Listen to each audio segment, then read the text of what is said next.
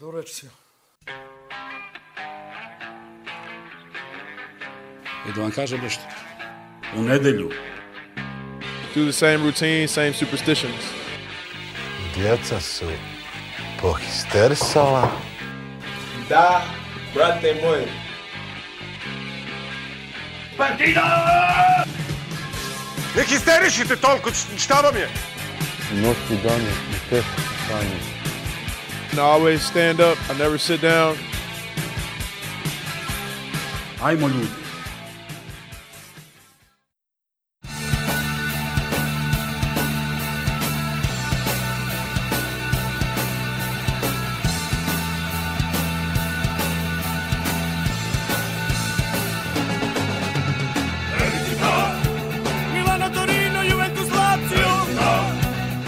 Gde ste, braćo, kamerunci, sestre kamerunke? Same routine, same superstitions i tako dalje. Napravili smo veliki rizik. Planirali smo prvobitno da snimamo prvi deo, euforični deo ove epizode na temu glibulje i svega ostalog pred utakmicu sa, sa Efesom, međutim evo, rizik se isplatio, tako da sada u trećem satu histi druženja onako dobro zagrejani i vrlo raspoloženi. Snimamo sve u cugu. Ostali smo vam dužni jedan ajde da kažem zaokruženi uvid ove Giro d'Italije mada Patreoni su dobili četiri uratka sa lica mesta. Evo Crk šalje pozdrave svima vama ostalima. Milenko se smijulji i Gricka Kikiriki. Imamo Giro d'Italia, imamo Glibulju, imamo ovaj Efes, Na X. erotska soba, mada je Ataman pustio. I od manje bitnih tema imamo produbljeni organizacioni raspad u futbolskom klubu, imamo Kolubaru i pobedu u Lučanima. Ništa, džingl, pa krećemo. Da karamo tegane lodrke. Sad pršuta, sir, viski, pivo, sve.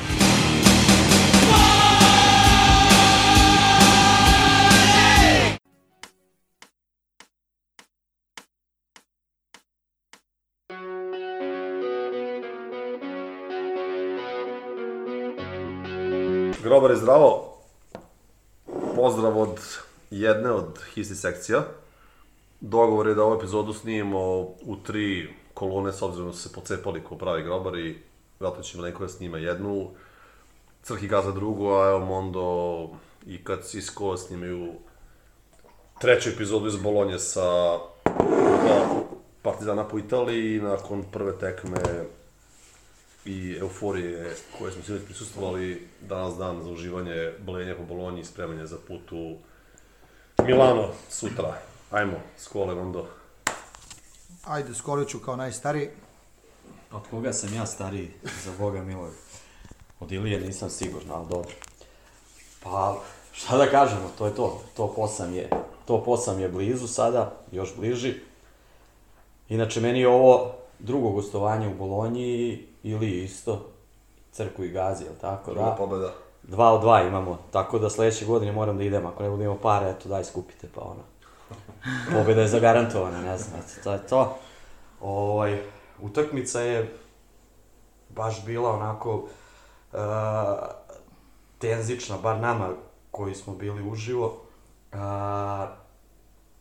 izdvojio bih ponovo Dantea, koji je, koji je imao, čini mi se, sedam asistencija, sedam skokova, pored onih kucanja brutalnih i ovaj, i, i, i- otetih lopti. A, mislim da je dosta uticalo promena kriterijuma suđenja koje je bilo katastrofalno u prvom poluvremenu po nas. Znači ono kako, šta nisu sudili na Panteru, e, otprilike to je primer Zvezde u KLS, kako igra na Panteru i, i, i uopšte kako igra odbranu. Znači, Panter je trebao pet puta da bude na, na, na bacanjima kada je bio u bonusu, kada smo bili u bonusu, a, ali sudije su puštale bukvalno da se igra da se igra flaster na njemu rukometni, u pravom smislu. U drugom polu vremenu su, dok su nama svirali, izašli smo iz bonusa lagano i šta je znali, u drugom polu vremenu su malo pustili nama da, da, da, da, da odigramo čvršće, hrabro, tako da, da, da mislim da je to dosta značilo.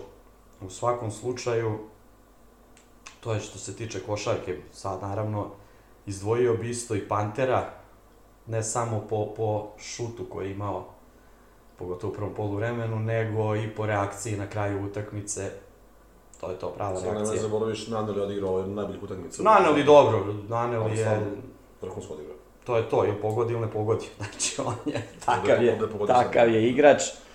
Ovaj, dosta smo bili strpljivi kod, kod šuta, znači, iako smo ostali dosta puta sami, čekalo se da se nađe najbolja pozicija, da se, da se, da se traži ponovo ekstra pas. Tako da je, ovaj, eto, to odigrano kako treba. O, pored toga, šta bi izdvojili? Izdvojili bi, recimo, O, halu da. koja nije hala. To možda, možda bi čak i ja mogu reći... To je skandalozno. Neke perspektive, ajde recimo se u nekim segmentima bavim i, i stvarima koje imaju dodirnih tačaka sa onim što je nazvano tribina. U pitanju je inače konstrukcija koja se koristi za razne tribine generalno i suštinski da je to, to mon- montažno demontažno. I najveći problem bio činjenica da je pravljena za neke uslove gledanja utakmica, koja priliče više pozorištu nego samim tekmama da je konstrukcija kao takva e, praktično od sistema koji može biti i korišćen često znači, u građevinstvu ili na, na eventima, ali problem je što to niko nije kalkulisao, će se pojaviti 2000 ono, huna iz ono, Srbije i grobara diljem Evrope i da će da divljaju po ovoj tribini i stvarno je bilo neprijatno, ona je bukvalno pomerala se za metar i imali smo osjećaj da svakog momenta može da se surva, što najiskrenije mislim s obzirom na to koliko znam da je zaista i bila realna opasnost. Tako da degenericima iz Virtus sebe majku za to, s obzirom da imaju Pala Docu koja je ono legendarna dvorana koja je fenomenalna u svakom smislu i koja ima veliku istoriju. Realno jeste ovo što su sklepali na sajmu, znači veću smislu kapaciteta, ali realno oni do sada ni jedan put nisu napunili ovaj, tu halu. Sinoć je bilo najviše 9,5 soma ljudi, od toga vjerojatno dve, preko 2000 grobara, a na sve to postoji neki blagi bojkot među navijačima ovaj, Virtusa s obzirom na činjenicu da su jako poludele scenama. Mi smo recimo plaćali 55 evra karte za gostujući sektor, recimo dok je isti taj sektor u Milanu 19 evra, što je oni govori razliku, za raz, razlici, a isto tako i navijači Virtusa plaćaju papirne cene, realno znaš što je obično sranja, nije hala, mislim, ono je bukvalno sajamski prostor koji inače je ovaj, oplemenjen po znacima navoda konstrukcijom na kojoj Ma, su smešeni i na sve to znači nema krštene klonje, znači ljudi pišaju to je to ima znači ubi Bože mislim, ako ono treba da bude reprezent znači nečega za jedan takav klub, znači da u principu to bude hala u kojoj će možda dobiti licencu da to igra u ligu, ono mislim katastrofa, ne daj Bože nikom, stvarno. Ma, da. Pa evo, neki moji utisci, uh, počeo bi sa, ovaj, počeo bi od kraja utakmice, kada se sve završilo, samo sam rekao da sad imam avion za Beograd, da se vratim opušteno, mi smo cilj ispunili, bili smo toliko ispunjeni da ono, bukvalno kao ne vidim više šta bi radio ovde dva, tri dana, iako treba da idemo u Milano. Znači, toliko sam bio zadovoljan skorom. Uh, pre ovog kola imali smo plus dva, i svima je bila neka želja da se dobije jedna utakmica, da ostanemo u trci za, za top 8. Pre samo nekoliko dana ili nedelja je ovaj, delovalo da će to biti lakše uraditi u Milanu, sad se malo situacija okrenula. Međutim, mi smo već na prvoj utakmici ostvarili cilj, što se tiče mene, a i ostalih u Milanu igrači šta urade, urade, bukvalno neće biti prigovora šta god da se desi. A, što se tiče same utakmice, mi smo dobro krenuli. Imali smo neko vođstvo koje je 2, 4, 6 razlike. Budući da je kriterijum, e, što je pomenuo Skole, bio nepovoljan pod nas, znači ni, nisu nam svirali neke faulove, koš faul, panter, ne znam da li naneli, više ne mogu da se setim. Pa i auto. Sa druge strane su jedva čekali da sviraju faul na nekom, ne znam, mis meču, da je njihov centar gura leđima našeg pleja koji drži ruke pored tela i odmah de, govno, ona, ona španska mangulica samo čeka da nas prikolje, već peti put u sezoni. Da, bat, da batalimo više priču o suđenju, desilo se da je Exum imao onaj težak pad i da je delovalo da je sigurno povređen. To je bio prvi šok. Onda smo vrlo brzo ušli u neke faulove Panter 3, nešto kasnije i Lesor 4. Tu sam mislio da ovaj, kraj što se tiče ove utakmice, jer da su nam nastavili onako da sude, da su napunili još sa par faulova, ne znam da li bi mogli da izvučemo pobedu. Uh, ono što je interesantno da su Smajlagić i Lesor skoro pa podelili minute, obojica oko 20 minuta. Naneli imao je možda ponovo neki prazan hod malo u odbrani, par nekih grešaka, ali ako se pogleda da je bio najefikasniji, da je davao ovaj, da je davao koševe u trenucima kada je to bilo vrlo važno, uz Egzuma i Pantera sigurno kolovođa ekipe, Smajla, Smajli po meni dobra partija, Mm. Smajli dobra partija sigurno, Ledeja nije išlo, ali imao je neke skokove u odbrani i borio se. Borio se dosta. Nažalost, falilo je nek, neki poen od Mravovića, od uh, Trife, Ali ne mogu svi. Andjušića koji je iskreno bio loš i oba puta kada je ušao oni su napravili seriju Madar sasvim solidan tako da ovaj, ova pobeda je po meni baš, baš, baš veliki skalp i ovaj, žao mi je ovaj, što nisam bio i prošli put u Paladoci, ali evo sad mi je mnogo lakše. Nadam se da ćemo u Milanu da imamo ekipu koja se bar malo oporavila od ove teške utakmice. Pa šta urade, urade. Što se tiče ovaj, ostalih utisaka, to je negde oko 2000 naših navijača, fantastične atmosfere sa naše strane, ali i sa druge strane. Dosta su dobro i oni navijali i videlo se da ovaj, gledaju stalno ka nama da snimaju neka vrsta atrakcije. Već postajemo ovo Mečkanje. širom Evrope.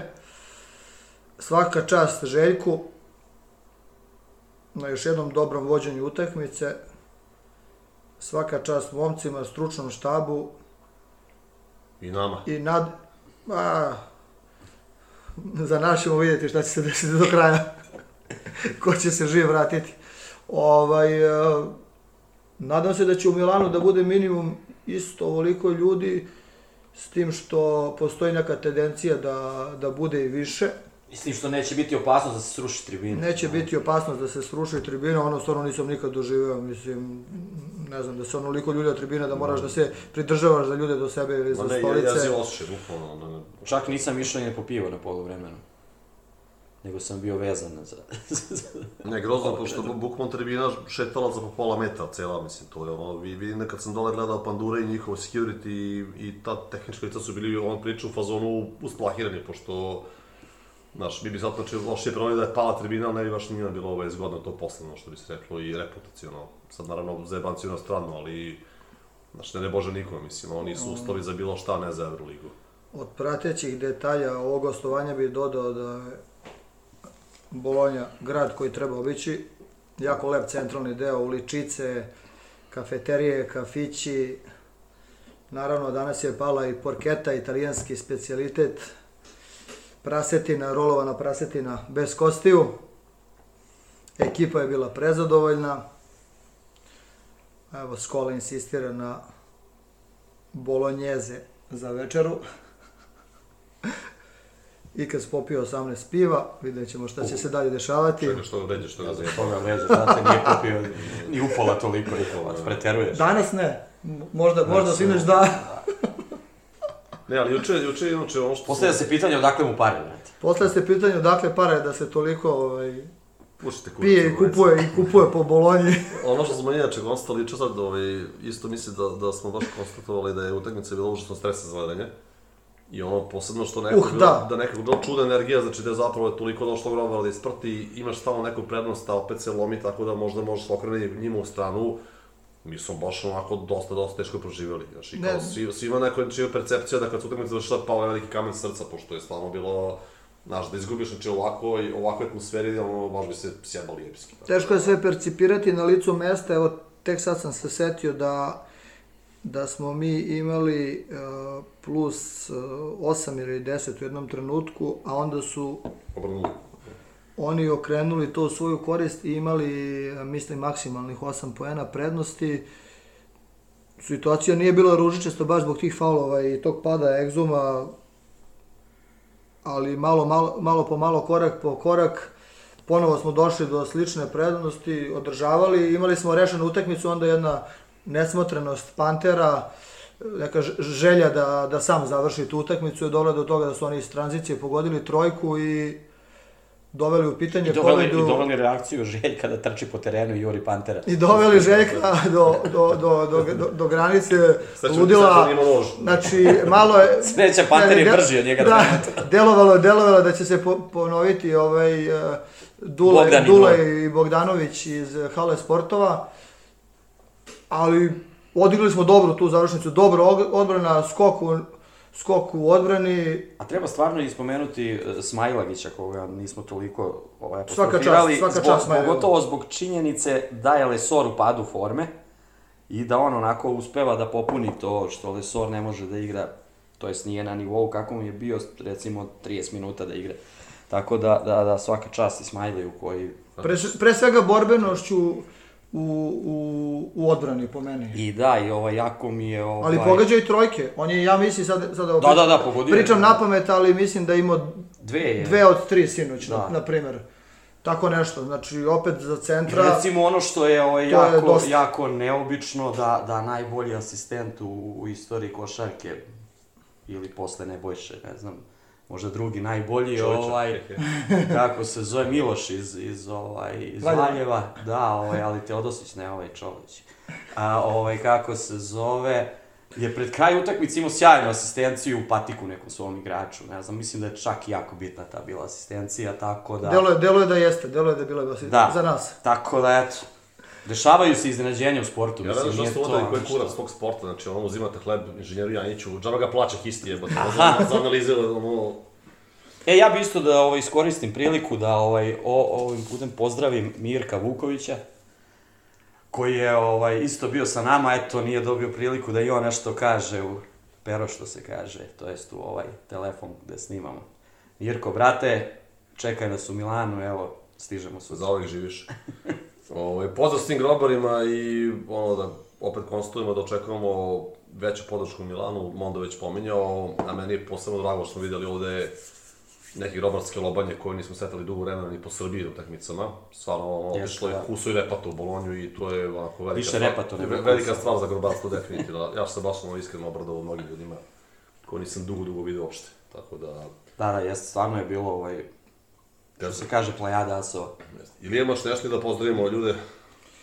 Pozdrav grobari, pozdrav svima kojima su bili, drugarima našim eh, sa Malte, iz Španije, iz Nemačke, Ma iz Minhena ekipa, iz Minhena ekipa, Srpske, Vičenca, Iz Knjaževca, iz... Knjaževac, Jeste, ja, to je ne postoji to mesto. Ćao, ćao Mišo. Ćao Mišo i tako dalje i vidimo se u Milanu već koliko preko sutra. Grobar je pozdrav.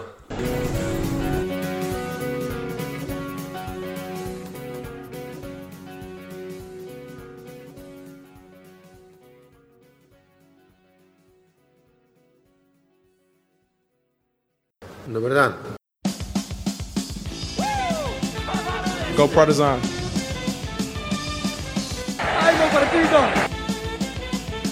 Šta je bilo?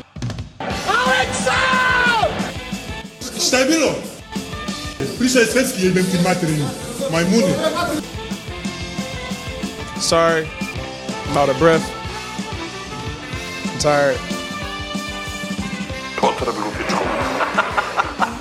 Ajde, još jedan, ajde.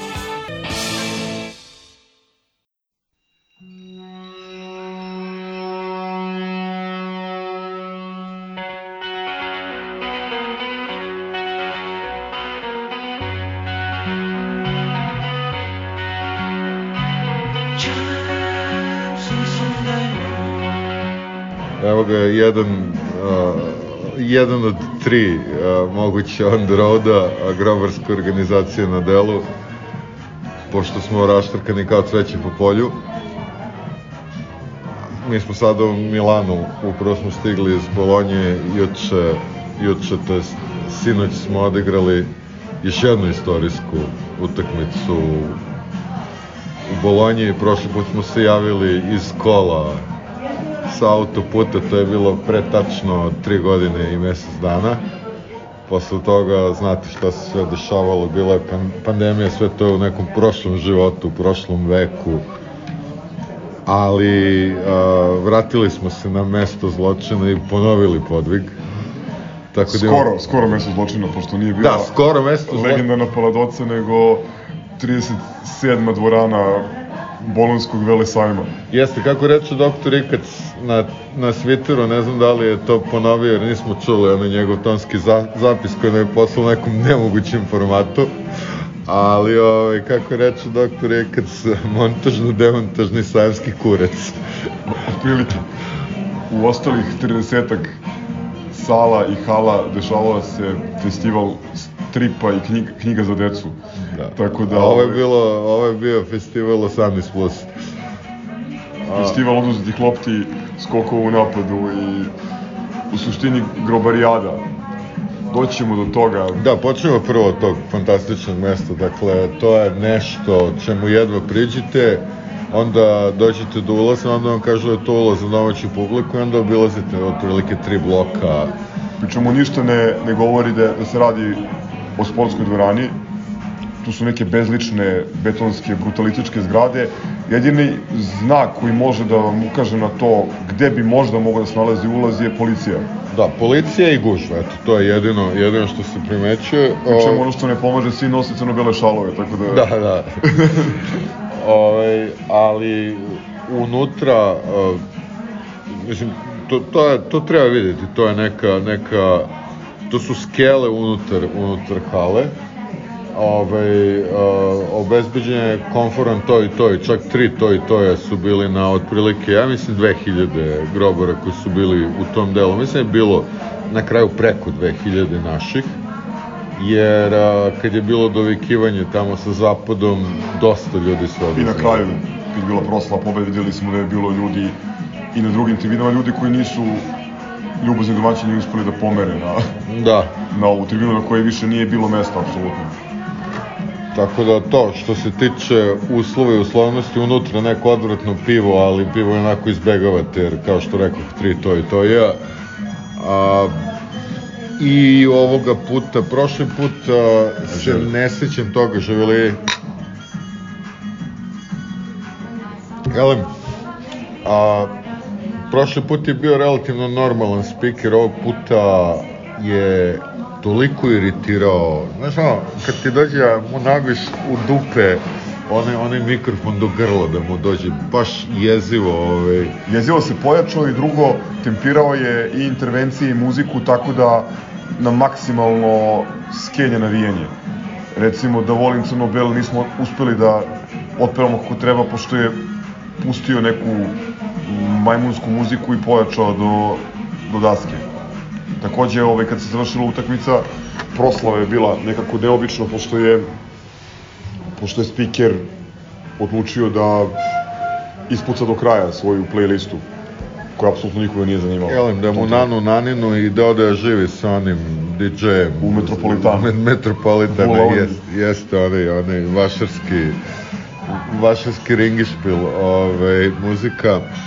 A to što se tiče tih a, nekošarkaških momenta, opet publika i Izvini, ovoga... ima još jedan, izvini što te prekidam, ima još jedan moment, kao što je rekao Nemanja, doći do, do sajma je bio popriličan izazov i znači da moramo da skratimo period koji smo planirali ili želeli da provedemo uz kapljicu. A isto tako i otići od sajma još Uber, veći Uber ne reaguje, taksi ne postoji, na kraju... Autobus se pokvario, to je. Da, da, na kraju se grobarija ukrcala na autobus 20A koji ne ide na Miljakovac, nego ne ide nigde, ovaj, jer, se, jer se pokvario i onda je, ovaj, onda su ljudi kombinacijom autobusa, stopa, pešačenja, drugih autobusa koji su kasnije nekako uspeli da se dovuku do, do centra, ali to je već bilo to je već bilo u, u, u smire i dana, odnosno otprilike u vreme zatvaranja lokala, tako da smo od velike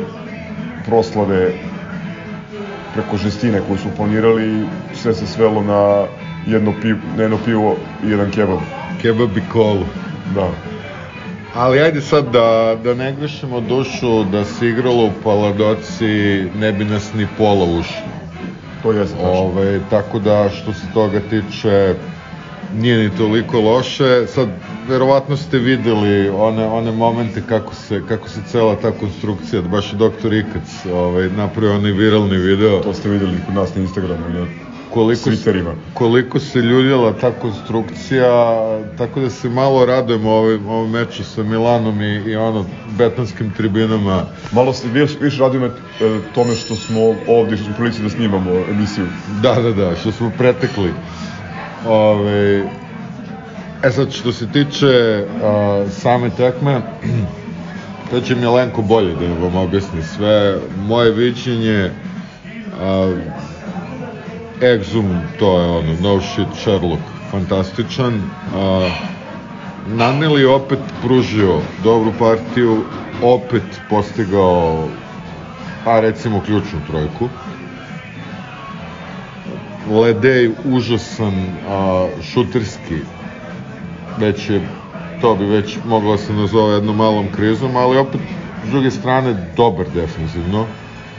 Dosta presečenih lopti, hvatao je neke, a prijatno iznenađenje, baš dobra partija Smajlagića, koji je odmenio odmenio umornog Lesora, a Panter baš onako o, počeo furiozno, kasnije se nije naigrao, ali razlog tome su konstantne batine pod kojima je bio. Danas smo se konsultovali s jednim drugarom koji putuje, koji je inače rukometni sudija, ali zaista, i mislim da je konsenzus bio da e, je veći deo odbrane, nazovemo to tako, u drugom polovremenu bio jedan rukometaški klasiko. Da, s tim što je on rekao da bi dosta toga bilo fauli u ruku. Da. Ove, ok, sad, neće mnogo, ti, ti ćeš uzeti deo o suđenju, ove, samo da dodam da, pored toga, eto, imali smo recimo, Aleksa je bio ispod nivoa, ali opet imao je neki doprinos i, i u odbrani, Madar je bio dobar, i Madar je imao jedan fantastičan skok u napadu i realizaciju. A, I jedini zapravo ispod, osim, ok, pa Petro koji je opet bled, očigledno još uvek se nije oporavio, tako da je pitanje i kako će sutra Ma da pogodio i da li će igrati. Jeste, ali, ali dosta onako, baš Dobro, vidi se da mu... Skromniji doprinos. Skromniji, dobro, i Trifin je isto bio skromniji. Trifin ima jedan katastrofalan airball. A, Dobro, defanzivno je par puta dobro odigrao na, na ovaj Valjevskoj prevari. Jeste, a sad, a, ne znam da li smem Anđušo, komentarišem da li će nam upasti u podcast da se raspravlja sa nama, ovaj, ali... Ili- ili će da ti odgovori preko Twittera. Preko Twittera, ali čovjek je za, ja mislim, manje od 4 minute imao onaj skor minus 10. Tako da, a mi, a mi dobili 8 ili 9, ne sjećam se najbolje. Tako da, mislim, svaka čast. A, a, kak, oba puta, mislim da je samo dva puta ušao i oba puta smo otišli ravno u kanal, pogotovo drugi put. Najupečetljiviji učinak nije fair, ajde. Ajde, nećemo, nećemo da ga... Ispalo da mu sočivo, ali dobro, Da. okej. Nećemo da ga Pojavit će vraćamo pojavit će dalje. se na utakmicama kad je bitno. Jeste, e, ja, ok, velika, velika pobeda, ajde neka to bude Jeste, velika pobeda, utisak ogromna pobeda.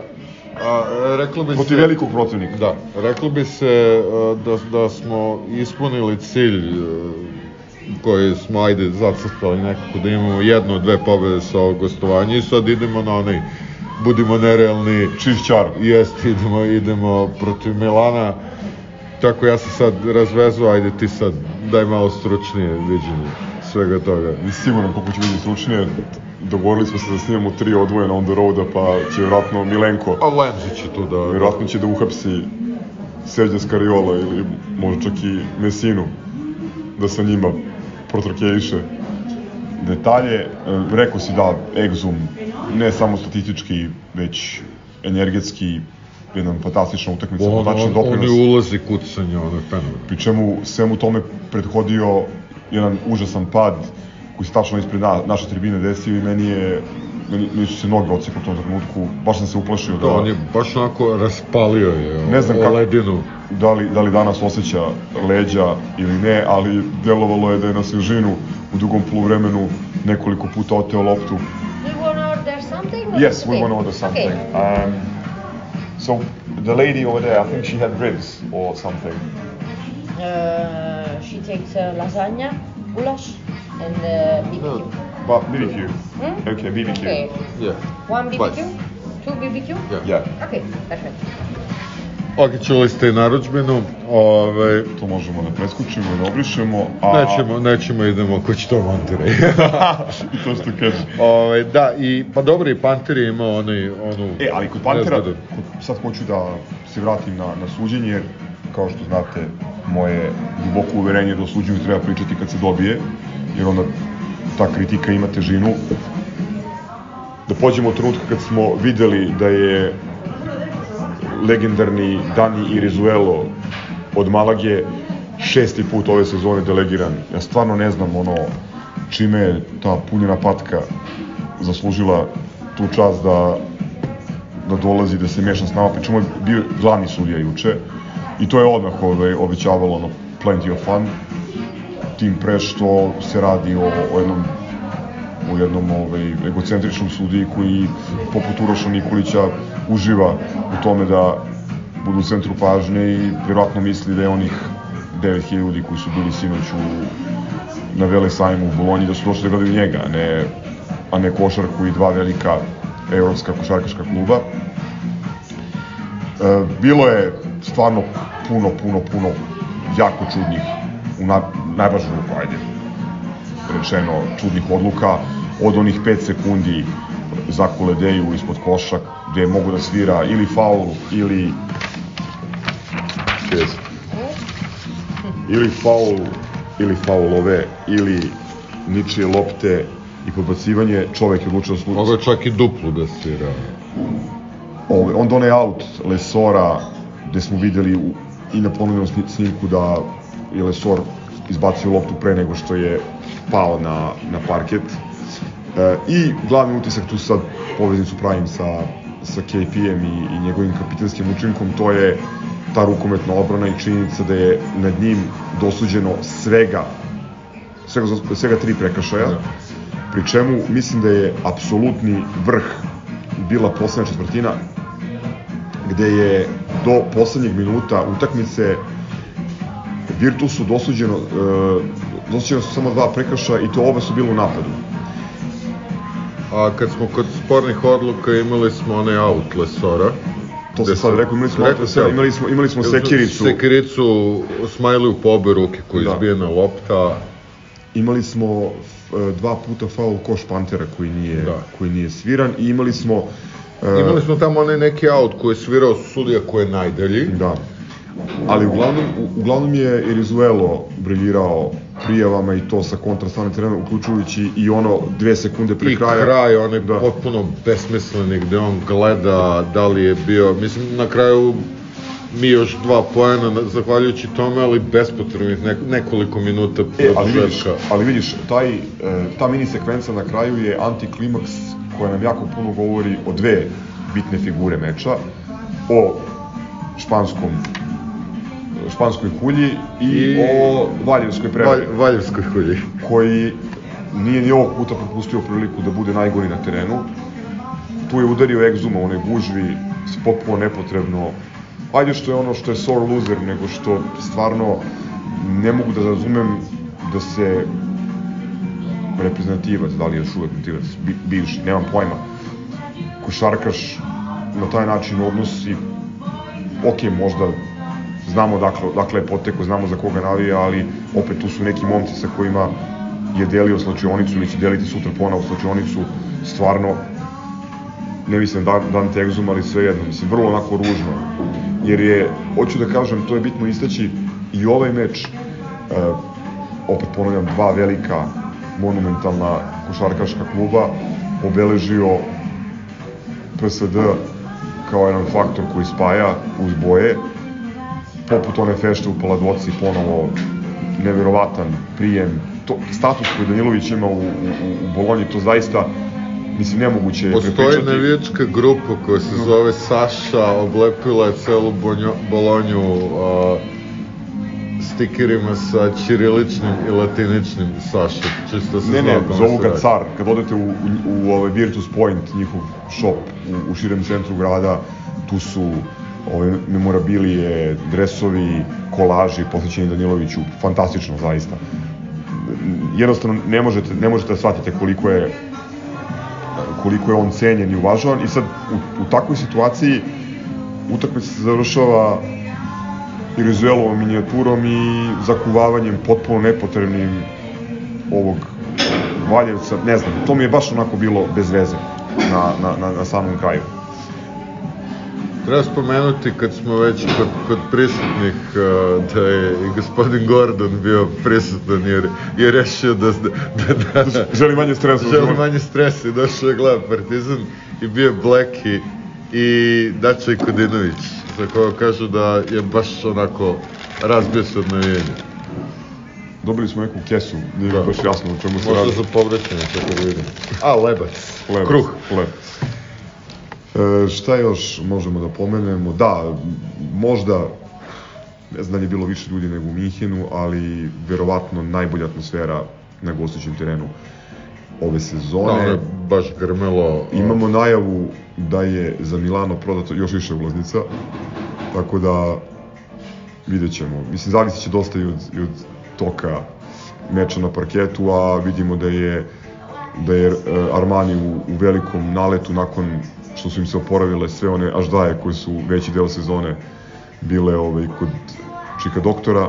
Našli su baš kada se oporave, ajde. Da, ono, ako iko sumnjao da će, da će da budu spremni, Pa. uključujući i Šilca, onda evo, ovaj, to je to je nešto interesantno. E, videli smo jako puno dragih lica od Ljubljane do, ne znam, ono, ne znam apsolutno smo videli, ja mislim, sve, sve ljude koje znamo, a da idu na Partizan, osim Vilija, Dobro, da. koji nas u sreću nije bio ovaj s nama, što je deo formule za uspeh. I šta smo još mogli da kažemo od tih nekih interesantnih anegdota? Pa, Kevin bilo- Panter putuje da. sa srpskim pasošem. Da, da, to, to je fantastično. Narodni kapitan. Čovjek je poštuje, poštuje Srbiju i, i ide sa ovim Čovićevim pasošem. Magistar izdao. Da, ovaj, kad smo kod uh, magistra ekipe, ne sam ni da pomislim kako će da izgleda uvertira paramedijska ukoliko izgubi večeras, a mi nekim čudom dobijemo Armani, ovaj, naravno sledi nam derbi u ponedeljak i ne sam ni da zamislim na što će da izgledaju svinci Pa da, već smo, već, pokrivenošću. smo, već smo svedoci jednog slinca koji traja, a to je ovo targetiranje Željka zbog odnosa prema novinarki, a, što je potpuno out of the context, pošto očigledno da on a, ni na koji način nije nju uvredio, a posebno je nije uvredio jer je žensko, a, on je ajde da kažemo grubo odgovorio zato što je pitanje bilo idiotsko, tako bi tako bi rekao bilo kom novinaru ili novinarki ili kako god. Tako da ta neka Da, svinjarija... iz tema koja ne postoji, pokušaj da se stvori neka loša atmosfera, toksična atmosfera, ali mislim da Željko na te stvari ne reaguje, ostom rekao je puno puta da, da niti čita, niti prati, čovjek uživa, videli ste onaj izlazak triumfalni sa parketa, go, govor tela, podraz za Mileta, ono ne može se glumi, ne može se fejkuje, to je to. To smo želeli, to smo očekivali i uživajmo. To smo i dobili. Da. Ehm, ništa, to je, to je manje više to. Rekao si, nadali smo se jednom breaku u Italiji, a sad idemo Pa dobro, sad Grobarski naravno, naravno neambiciozno. rasto, rasto ovaj, apetiti, to je logično, ali da, ovo je jako, jako fino, jako prijatno i moram da pohvalim Bolonju kao grad. jako, jako lep i prijatan grad. Fantastičnu energiju ima, jako ovaj, puno interesantnih mesta, dobre istorije, e, ali i onako Dvokratnog radnog vremena. da, što blago komplikuje planiranje izleta i, i bilo čega drugog, ali definitivno me, meni omiljeni grad u, u Italiji. Ne samo zbog košarke. Dobro, ajde, ja sam sad ožedneo ovo još malo, jer smo pričali o pivu. Ništa, to je to, ovaj, čekamo Lemzija da se priključi sa svojim, svojim OTR-om i onda idemo u tri frakcije. Onda Rafal po Patreonima. Da. A vi ostali, možda dobijete neki miks. A možda Pa i ne, vidjet ćemo. Dobit ćete u epizodi, re- realno. A Patreon je nek preskoči taj deo, ne što dva. Ništa, to je to. To je to. Ćao, čao. Ćao.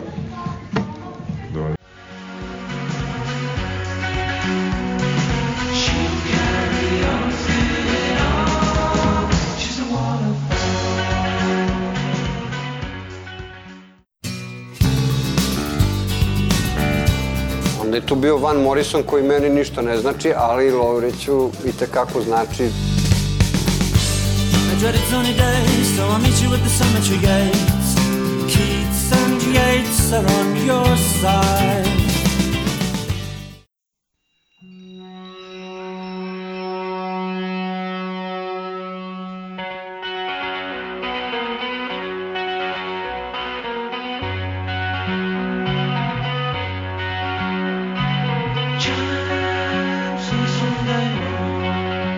Zdravo grobari, javljam se sam o, ovom prilikom. Ostatak ekipe je jednostavno preumoran da, da, da artikuliše misli i da kaže nešto za dnevnik. Šalu na stranu zaista veliki broj pređenih kilometara što u kolima što peške veliki broj promijenjenih smeštaja u ova čet, u ovih 4-5 dana koliko smo uh, i proveli u meni lično najlepšoj zemlji na svetu. Uh, ovo duplo kolo je sve ono što smo želeli i čemu smo se nadali kada smo uh, ganjali tu Euroligu, kada smo ganjali povratak u društvo najboljih što se kaže. Uh, imali smo zaista jednu neverovatnu sreću da, da se organizuje ovo duplo kolo u Italiji i eto i lepo vreme nas je pogledalo i forma Partizana u poslednje vreme i rezultati doveli su do toga da interesovanje za ovaj dvomeč uh, u Italiji bude na nezapamćenom nivou. Mislim da je ovo, ako pričali smo već posle Bajerna smo se javili uh, kroz On The Road Ilija i ja i pričali smo kako je to verovatno najmasovnije gostovanje. Mislim da je ovo mislim da je ovo u Milanu bilo sigurno ovaj u rangu u rangu tog gostovanja u Minhenu i po masovnosti i po nekoj energiji, navijanju i tako dalje. Naravno pre toga i putovanje u Bolonju, dva velika velikana evropske košarke i dva ogromna rivala istorijski gledano Partizana, dve fantastične ekipe predvođene odličnim trenerima, sa toliko kvaliteta na igračima, na terenu, pardon, uh, i jednostavno nismo mogli da poželimo ovaj, uh, mnogo toga više gledano sa strane, uh, što se tiče rezultata 1-1, sasvim korektno, imajući, imajući sve u vidu. Uh, malo što se tiče organizacije naše ekipe, naša četvorica, a, krenuli smo iz Beograda u ponedeljak ujutru i odlučili smo se da prvo veče provedemo u Trevizu i da skratimo ovaj, bar malo taj put, da ne provedemo baš uh, ceo dan u putu u kolima i zbog toga što je Trevizo zaista prelep jedan italijanski gradić, onako kako zamišljate italijanski grad, uh, uske ulice, stare, stare građevine, kanali i rečice i to je to. To je Trevizo, jednostavno sve preporuke ako vas nekada put nanese uh, u njen kraj, ovaj, odnosno, odnosno u, kroz sever Italije, ako vam zatreba neko prenoćište, ideja za prenoćište, jedno, jedno mirno prenoćište i i ovaj spavanje u tom delu Italije sve preporuke da da posetite Treviso, Treviso je i košarkaški e, značajan grad. Sećamo se svi čuvenog Benetona, naravno e, koji je nosio ime po glavnom sponzoru, a to je proizvođač odeće, dobro poznati poznati Benetton koji je baš baš iz tog grada. Iz tog grada je i tiramisu. Ovaj eto mala trivija za one koji nisu znali, originalni tiramisu je a, neke 72. čini mi se izmišljen u, u tom gradu u ovom obliku a, u kom ga danas znamo, dakle kafa, mascarpone i šta tu se već ide, naravno probali smo i tiramisu, fantastičnu picu na, na glavnom trgu Piazza de Signore i, i vino koje nas je pratilo uh, gotovo, gotovo kroz čitavo, čitave ove italijanske putešestvije, jednostavno u Italiji ne greše što se tiče vina i što se tiče kafe. Uh, elem, uh, krenuli smo u utorak posle doručka za, za Bolonju, uh, tu nas je sačekalo brdo grobara po gradu, zaista na svakom koraku ste mogli da čujete srpski jezik. Uh, mi smo se odlučili da malo obiđemo obiđemo te neke najznačajnije e, turističke, da kažem, destinacije Bolonje kojih nije previše. E, ja sam posetio i Paladocu koja je jedno kultno košarkaško mesto, e, hala koja se sada povremeno koristi za utakmice Virtusa, a u njemu su trenutno redovni košarkaši Fortituda koji, koji igra u drugoj ligi Italije. Uh, Virtus, uh, sad pretpostavljam da je ostatak ekipe, da, su, da ste čuli kroz uh, druge on the road i ovaj, uh, isečke koje su slali pre svega Gaza i Crka, onda i Ilija i Mondo, uh, pretpostavljam da ste čuli gde se igralo, kakvi su uslovi i tako dalje, dakle prilično je van grada, 4 4,5 km recimo od e, centra grada i ajde manje, to je manji problem, veći problem je to što se igra na jebenom sajmu, što ako promašiš ulaz pešačiš jedno 2 km do sledećeg, pa te onda vrate e, na onaj na koji, na koji si prvi, prvi došao jer si tu dobio pogrešnu informaciju, jednostavno malo onako konfuzno, e, zaista nije košarkaški, koliko god Bolonja bila košarkaški gra, grad, ta, taj sajam, ta hala prosto nije, nije za, za vrhunsku košarku i nadam se da će se to uh, uskoro promeniti, ima tih nekih najava da oni grade novu halu čiji će kapacitet biti da li 12-13 hiljada mesta koji će biti specijalno za, za košarku i koji će valjda više ličiti na košarkašku dvoranu, a ne na ne znam ja čime bih uporedio onu Segafredo arenu. Ok, tamo što se tiče samog okruženja dok se igra utakmica, to deluje lepo, nekako tribi, tribine, onako, ja sam bio negde malo bliže terenu, pa sa tim pogledom na tribine, ne deluje to loše, međutim videli ste i one snimke gde se e, drma, drmaju one montažne tribine, sad ne znam kako to baš prolazi one komisije i preglede, sigur, sigur, sigurnosne preglede i tako dalje, ali bože moj, ako, ako su one tribine izdržale uh, par hiljada grobara, uveren sam da će izdržati i dosta, dosta toga drugog. Uh, fantastična atmosfera, mnogo bolja nego u Milanu u smislu da je da su navijači, do, domaći navijači aktivno navijali, aktivno učestvovali u igri, dakle ne samo kada uh, postignu trojku ili zakucaju na naš koš, već sve vreme su oni se trudili da, da pariraju grobarima i u dobrom delu,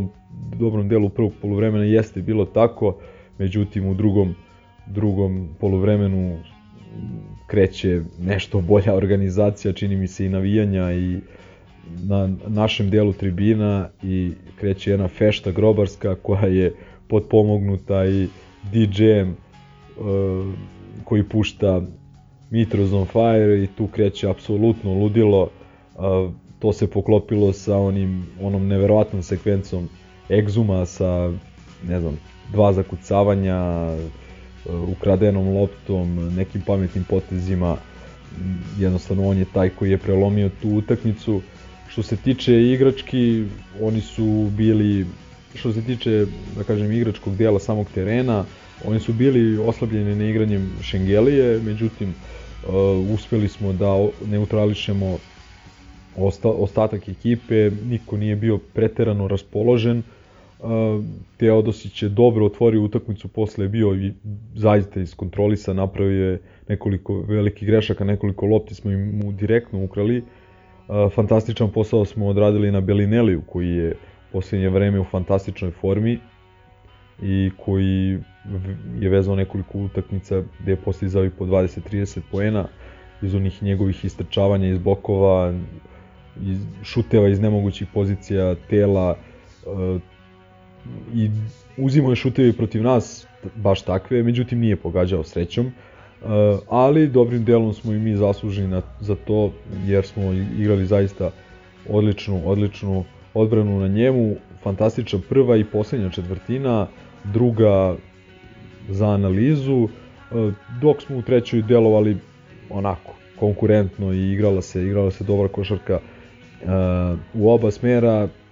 Srećom uspeli smo da prelomimo nošeni fantastičnom energijom Egzuma, istekao bih i uh, Madara i Smajlagića, uh, koji su zaista napravili veliki posao na početku četvrte uh, četvrtine. Madar sa onom uhvaćenom loptom u napadu i poenima iz toga, posle toga onaj backdoor Smajlagić, Madar, zaista je bilo uživanje gledati njih dvojicu na terenu. Treba istaći i Pantera koji je odlično otvorio utakmicu i koji sa čim smo izlaskom pali u toj drugoj četvrtini i nismo imali prosto uh, nikakvu ideju konkretnu u napadu kako napadati, to se promenilo u drugom poluvremenu, pridodali su se drugi igrači, pre svega kažem Exum, posle i ti neki uh, možda iz drugog plana poput Madara i, i Smajlagića i sve to je na kraju bilo dovoljno za fantastičnu, fantastičnu pobedu. Uh, nastavili smo, nastavili smo u Milano, tamo nas je sačekala uh, vrhunska ekipa, pričali smo o tom Milanu na početku sezone kao je ekipi koja je pretendent za Final Four, izdešavalo im se to što im se izdešavalo, povredili su se uh, redom Shields, uh, Pengos, posle još neki igrači, doduše nešto kraće, ali njih dvojica su propustili gotovo ma, i više od pola sezone. To se i tekako osetilo i oni su ušli u tu seriju poraza. Nažalost, ponovno su se uh, oporavili baš pred utakmicu protiv nas. I ne samo da su se oporavili, nego su se umeđu vremenu i pojačali Uh, pre svega mislim na Neipera i ovog uh, uh, bože stao mi mozak uh, Luvavua ovaj, bivši igrača Megi i NBA igrača, dakle dva zaista fantastična pojačanja uh, i nas su dočekali u jednom dobrom ritmu, u odličnoj formi, oni su pobedili 10 od prethodnih 11 utakmica od olaska Neipera, mislim da imaju 6-0 ili 4 ili 4-5-0 u Euroligi, nemojte me držati za reč. Danas sam pročitao taj podatak, ali što se kaže na jedno uvo ušlo, na drugo izašlo. Uh, ili na jedno oko ušlo, na drugo, na drugo izašlo. Ovaj šalu na stranu, uh, fantastična ekipa, oni su u tim momentima kada su uh, vezali devet poraza u Euroligi, igrali odličnu odbranu i oni su dugo bili najbolja odbrambena ekipa Evrolige, morao bih sada da proverim da li je i dalje taj slučaj. Ne bi me čudilo, što smo videli iz priloženog kada su, mislim, celu utakmicu su igrali zaista dobru odbranu, ali od druge četvrtine pa do samog kraja utakmice to je neverovatan intenzitet, to je kontakt koji je strašan, uh, iskustvo, znaju da se postave, znaju da zagrade, znaju da postave blokadu u napadu, znaju da, istr, da istrče iz, bloka, iz te blokade.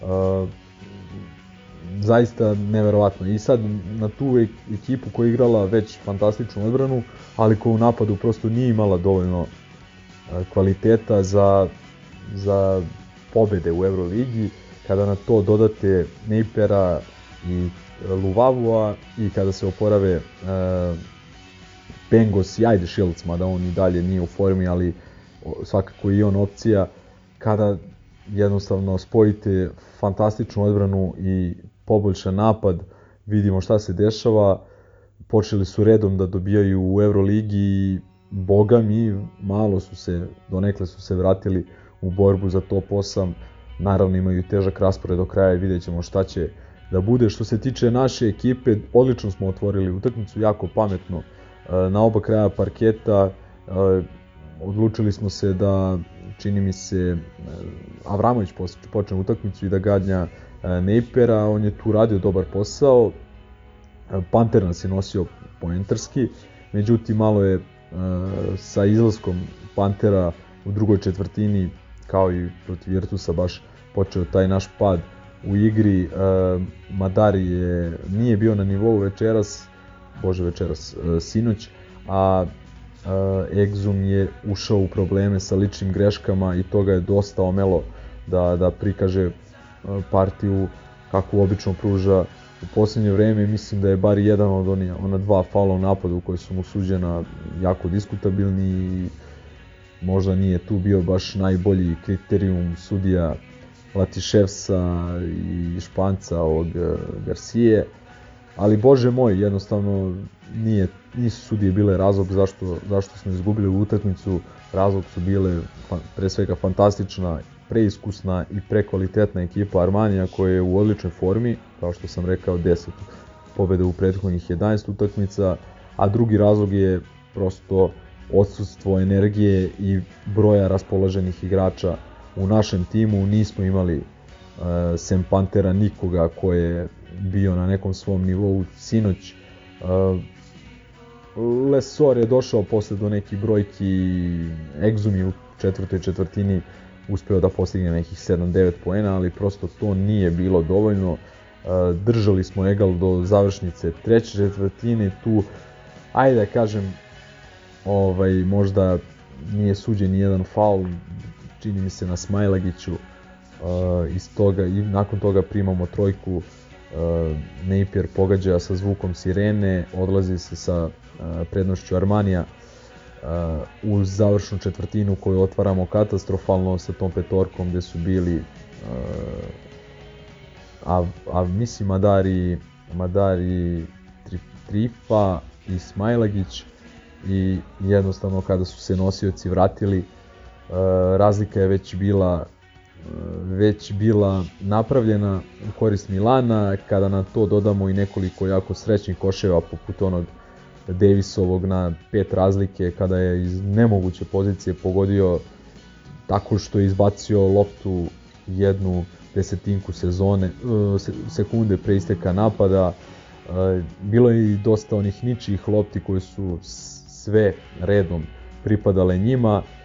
Falilo je malo energije u našim redovima što je razumljivo imajući u vidu i raspored i da je duplo kolo i da se igralo na strani i, i kada se uzme naravno i fizika i atletika protivnika, mada nije toliko atletika koliko fizika i iskustvo, iskustvo, ono, iskustvo u kontaktu, uh, velike su nam probleme zadavali i Meli i, i Brandon Davis, e, i spoljna linija njihova naravno, e, trebalo je tu ganjati Berona i paziti o Pengosu i Napieru.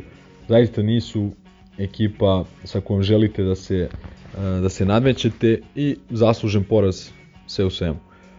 Idemo dalje. Milano kao grad ajde da kažem, nije mi na, na vrhu liste najlepših u Italiji u kojima sam bio, ali bože moj, sve u svemu lepa je i atmosfera bila, odlična brojka a, grobara i nadam se da će to postati nešto što je normalno, jer zaista razmišljao sam i ne mogu da se setim a, primjera, sličnog primjera u svetu, u svetu košarke, čak i na svetskom nivou da toliko ljudi ide da gleda svoju ekipu na strani, a da nije neki Final Four ili završnica, ne znam, college, college šampionata ili nešto treće. Ništa od umornog Lemija i veliki pozdrav za, za braću Grobare koji ovo slušaju. Uh, nadam se da ste uživali, uh, oni koji su bili u Italiji ove nedelje, da su uživali u lepom vremenu u vinu, kafi, sladoledima, uh, lazanjama, tortelinima i tako dalje. Jednostavno ovo je bila nedelja za našu dušu, ovo je bila nedelja za za sve one ljude koji su svašta morali da prežive i da dožive sa tim Partizanom u prethodnih deseta godina. Ovo je za sve nas, odnosno za sve vas. Ništa, grobari, zdravo, kada se malo odmorimo i dođemo sebi, snimat ćemo i, i kapiram i redovnu uh, emisiju, a do sledećeg On The Roada uh, veliki pozdrav i nadam se da ćemo dotle rešiti sve vezano za plasman u top 8.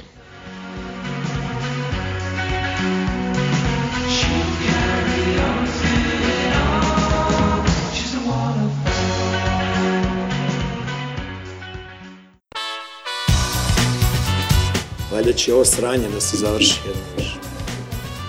A bre, više, dokle je?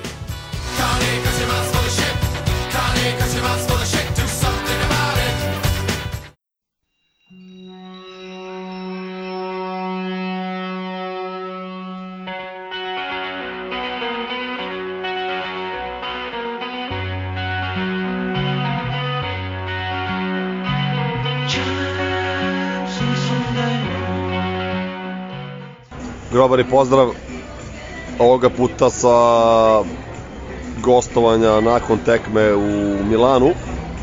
Ista ekipa kao i u Bolonji, Skole, Mondo i Ikac. Vjerojatno još dva on the road s jedne strane Milenko sa svojim sportskim analizama, vjerojatno u većoj meri i naravno Gaza i Crk koji su e-rostom stigli već kući su nekog gluvo doba.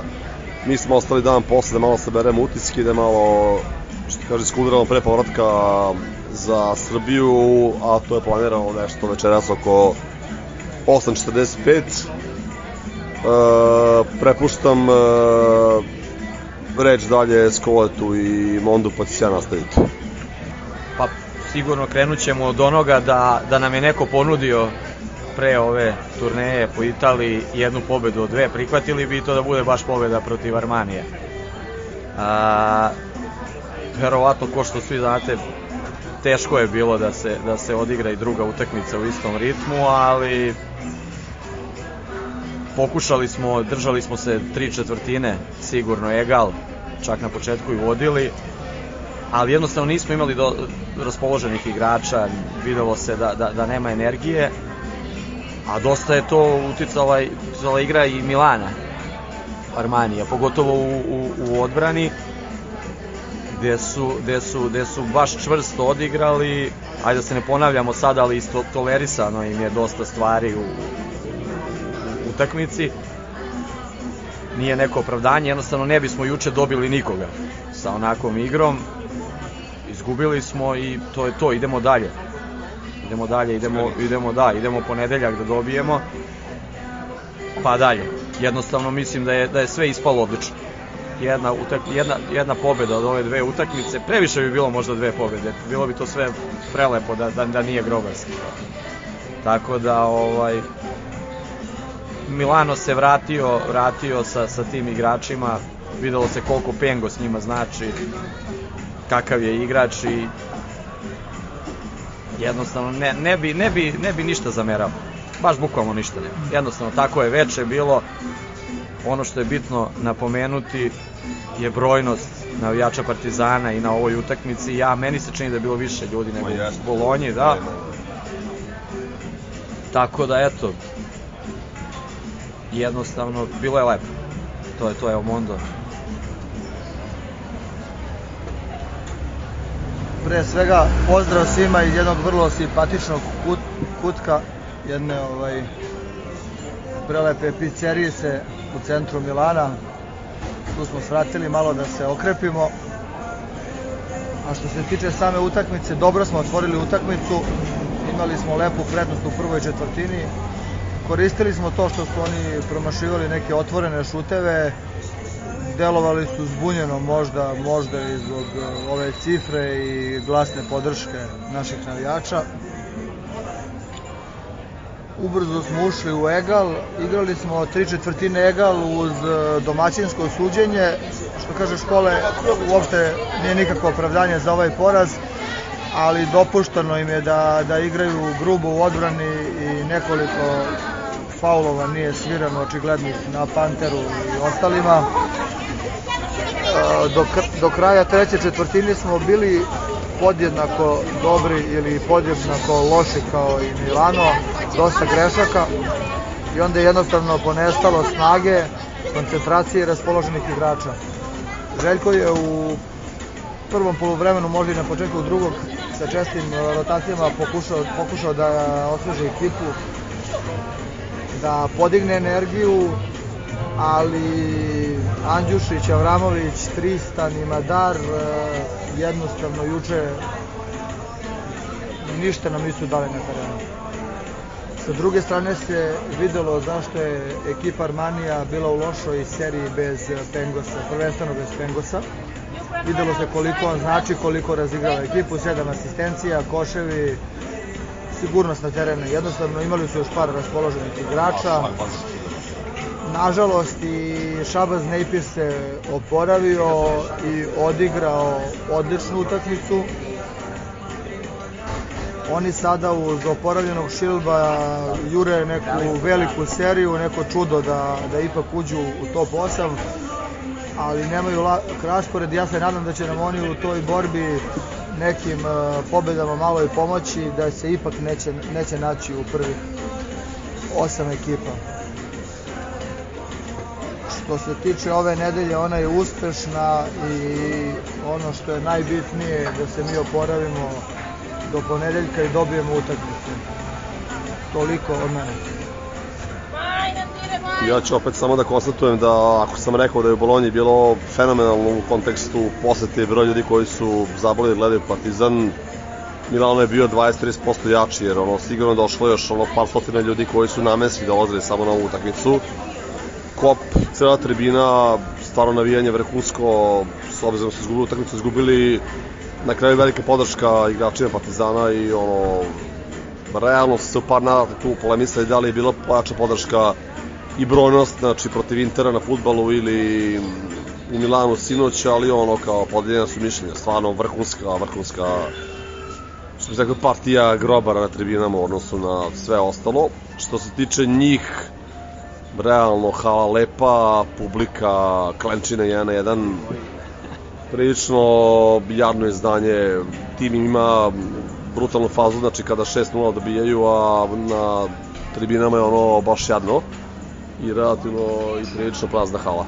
Tako da, što tiče nas, to je to. Idemo dalje.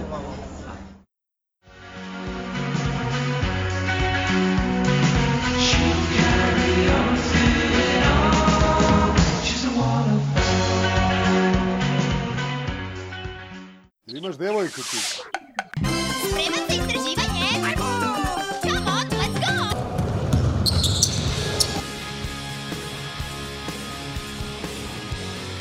Just gonna go out, get my blood, sweat, and tears.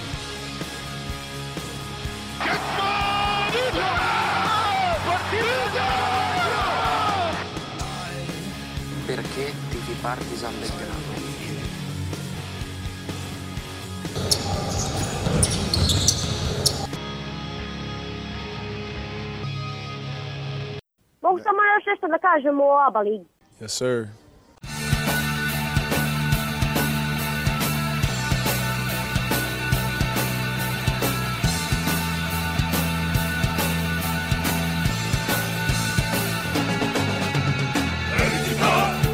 Milano, Torino, Juventus, Lazio! Ok, ajde kako ovaj red nalaže, pošto idemo hronološki, da zaokružimo priču o italijanskoj evroligaškoj turneji. Šta nismo rekli, ove, ovde bih dao reč pre svega Gogicu, pošto on nije putovao jedini od o- ov- ovde prisutnih. Putovo jeste, ali To nije jeste, poslao, ali nije nije- poslao on the road. Da, nisam, nisam bio u fazonu sam da snimam, ovaj, ali dobro. A mogu, mogu si sa Božom. Pa dobro, ajde sad. Kako ja jesam bio. Da, da, da. Ovaj, kako se zove, meni je najveći utisak bilo drmanje tribine na početku utakmice u Bolonji kad moram priznati da sam se usrao živ i bio sam u fazonu izgibo smo, ali dobro. To se završilo sve kako treba. Pa ono, kao i svima, utisak je broj ljudi koji je odio u Italiju i, i mogu samo da zamislim šta će ovaj naredne godine biti na, na, na tim gostovanjima. Verovatno će Italijani u startu ograničiti Čekaj, stani, samo, samo sektore. sekund. Ti stvarno misliš da je ovo liga Željka Obradovića i da ćemo mi sigurno igrati Euroligu sledeće godine? Privatna liga. Pa, Euroliga je Liga Željko Obradovića. Aha, Svaka aha. liga je liga Željka Obradovića, ovaj, kažu, ali, ali ajde da razmišljamo pozitivno. Svi su prizivali to bar jednu, da dobijemo bar jednu. Ja sam se onako preoptimistički nadao i drugoj pobedi, ali dobro, videlo se kad su u Milanu ulazile one nemoguće u posljednjim sekundama na isteku napada na kraju četvrtina, ali pogotovo posle ovog večeras sve je to onako e, realan poraz ko, koji ne boli i ne šteti mnogo. Tako da Italija je bio jedan ono 5 plus u svakom smislu kao i, i svima sigurno i ono nadam se da će da bude što više takvih gostovanja u, u danima i sezonama koje dolaze da će to da postane ono same routine što bi rekli u svakom smislu te reči tako da da ovaj, čućete i ove on the roadove, tako da ne davimo se Italijom. Ko nije bio, mnogo je propustio. Pa- E, na, na tu temu samo jedan generalni utisak, sve se slažem, dodao bih samo da je i vreme bilo divno i da je Gastor iskustvo bilo fantastično, da nikakvih problema nije bilo, prosto mi je neverovatno da na ovaj broj navijača, na ovako masovno gostovanje, like da, nije bilo, nije bilo nikakvih problema ozbiljnijih. Velika stvar, hoću da kažem da je definitivno potvrđeno u praksi da su away days the best days. Evo, Mondo pije lek za tlak. Dotle smo došli. Čak i kad pobedimo. Tako da, ovaj, samo se nadam da su ovi mlađi naši navijači koji su možda prvi put ili koji su tek krenuli na gostovanja, da su zaista uživali. Evo, lek s pritiskom uz Budweiser. Tako bolje deluje. Da, nadam se da su naši mlađi navijači videli da su zaista gostovanja najbolji mogući dani, da, da se tu ovaj, provodi jedno kvalitetno vreme zajedno, da se učvršćuju poznanstva, prijateljstva, da se dešavaju Da, ja bi- jako interesantne stvari, da to što mo može čovjek da vidi na gostovanjima ne može da vidi nikad ni u jednoj drugoj varijanti Meni životnoj. je, ja bi se samo izvini, nadovezao na to u smeštaju u Modeni gde smo bili, bio je kombi baš omladine ovaj, beogradske gde su svi 2000 to plus.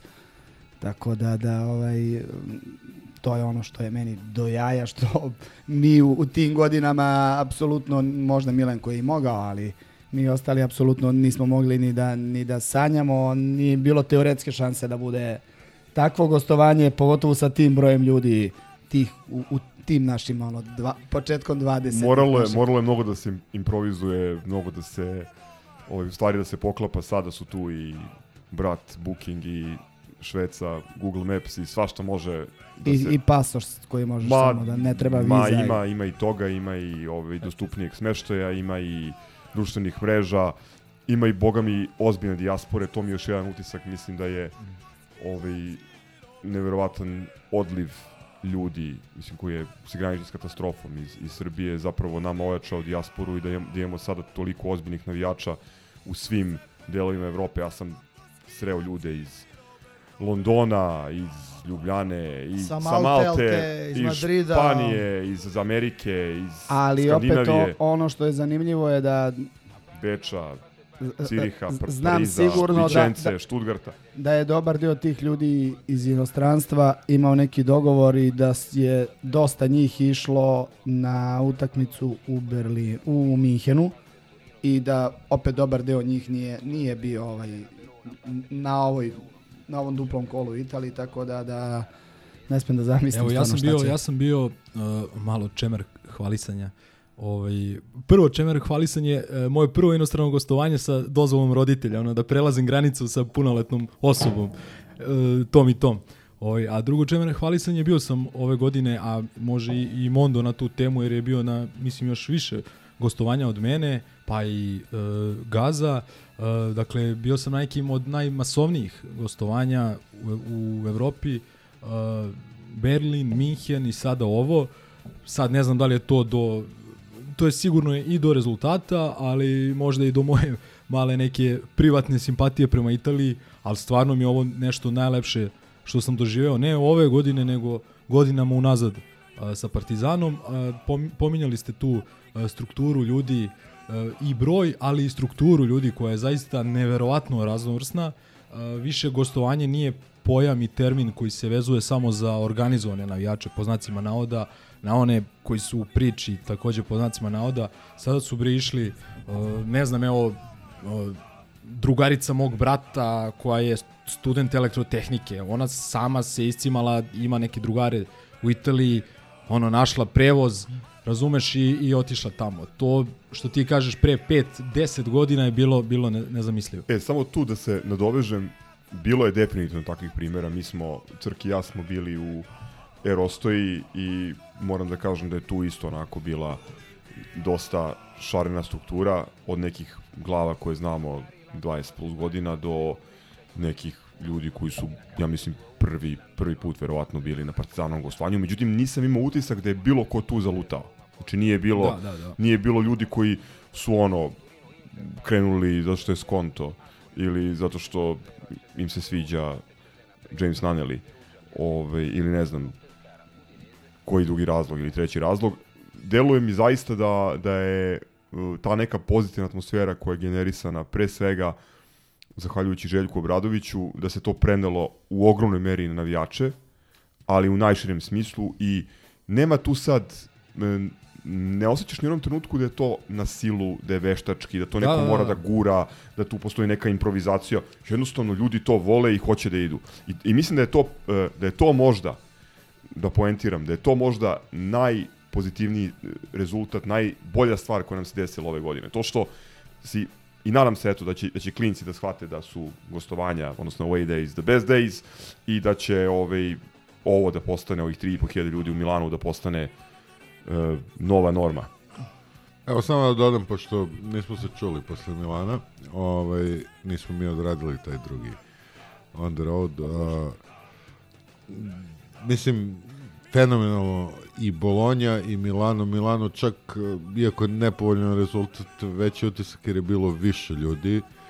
Uh, nekako, to, to je potpuno spontano.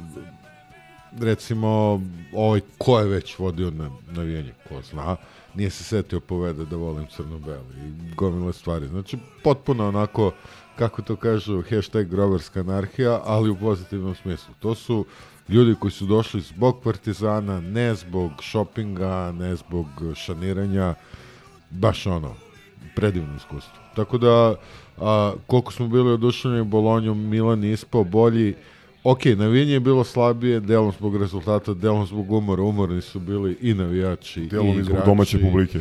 Da, delom i zbog domaće publike koja je katastrofalna. Znači, ljudi koji su se prvi put čuli kad su dvocifreno poveli, mislim, jezivi ljudi, i koliko smo hvalili navijače Virtusa koji su stvarno kapa dole, ovi su baš ono, govnad.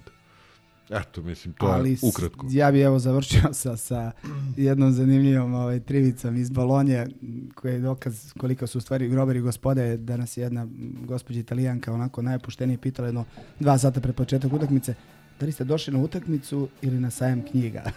Tako da... Možda je veze s tim što je bilo na istom mestu.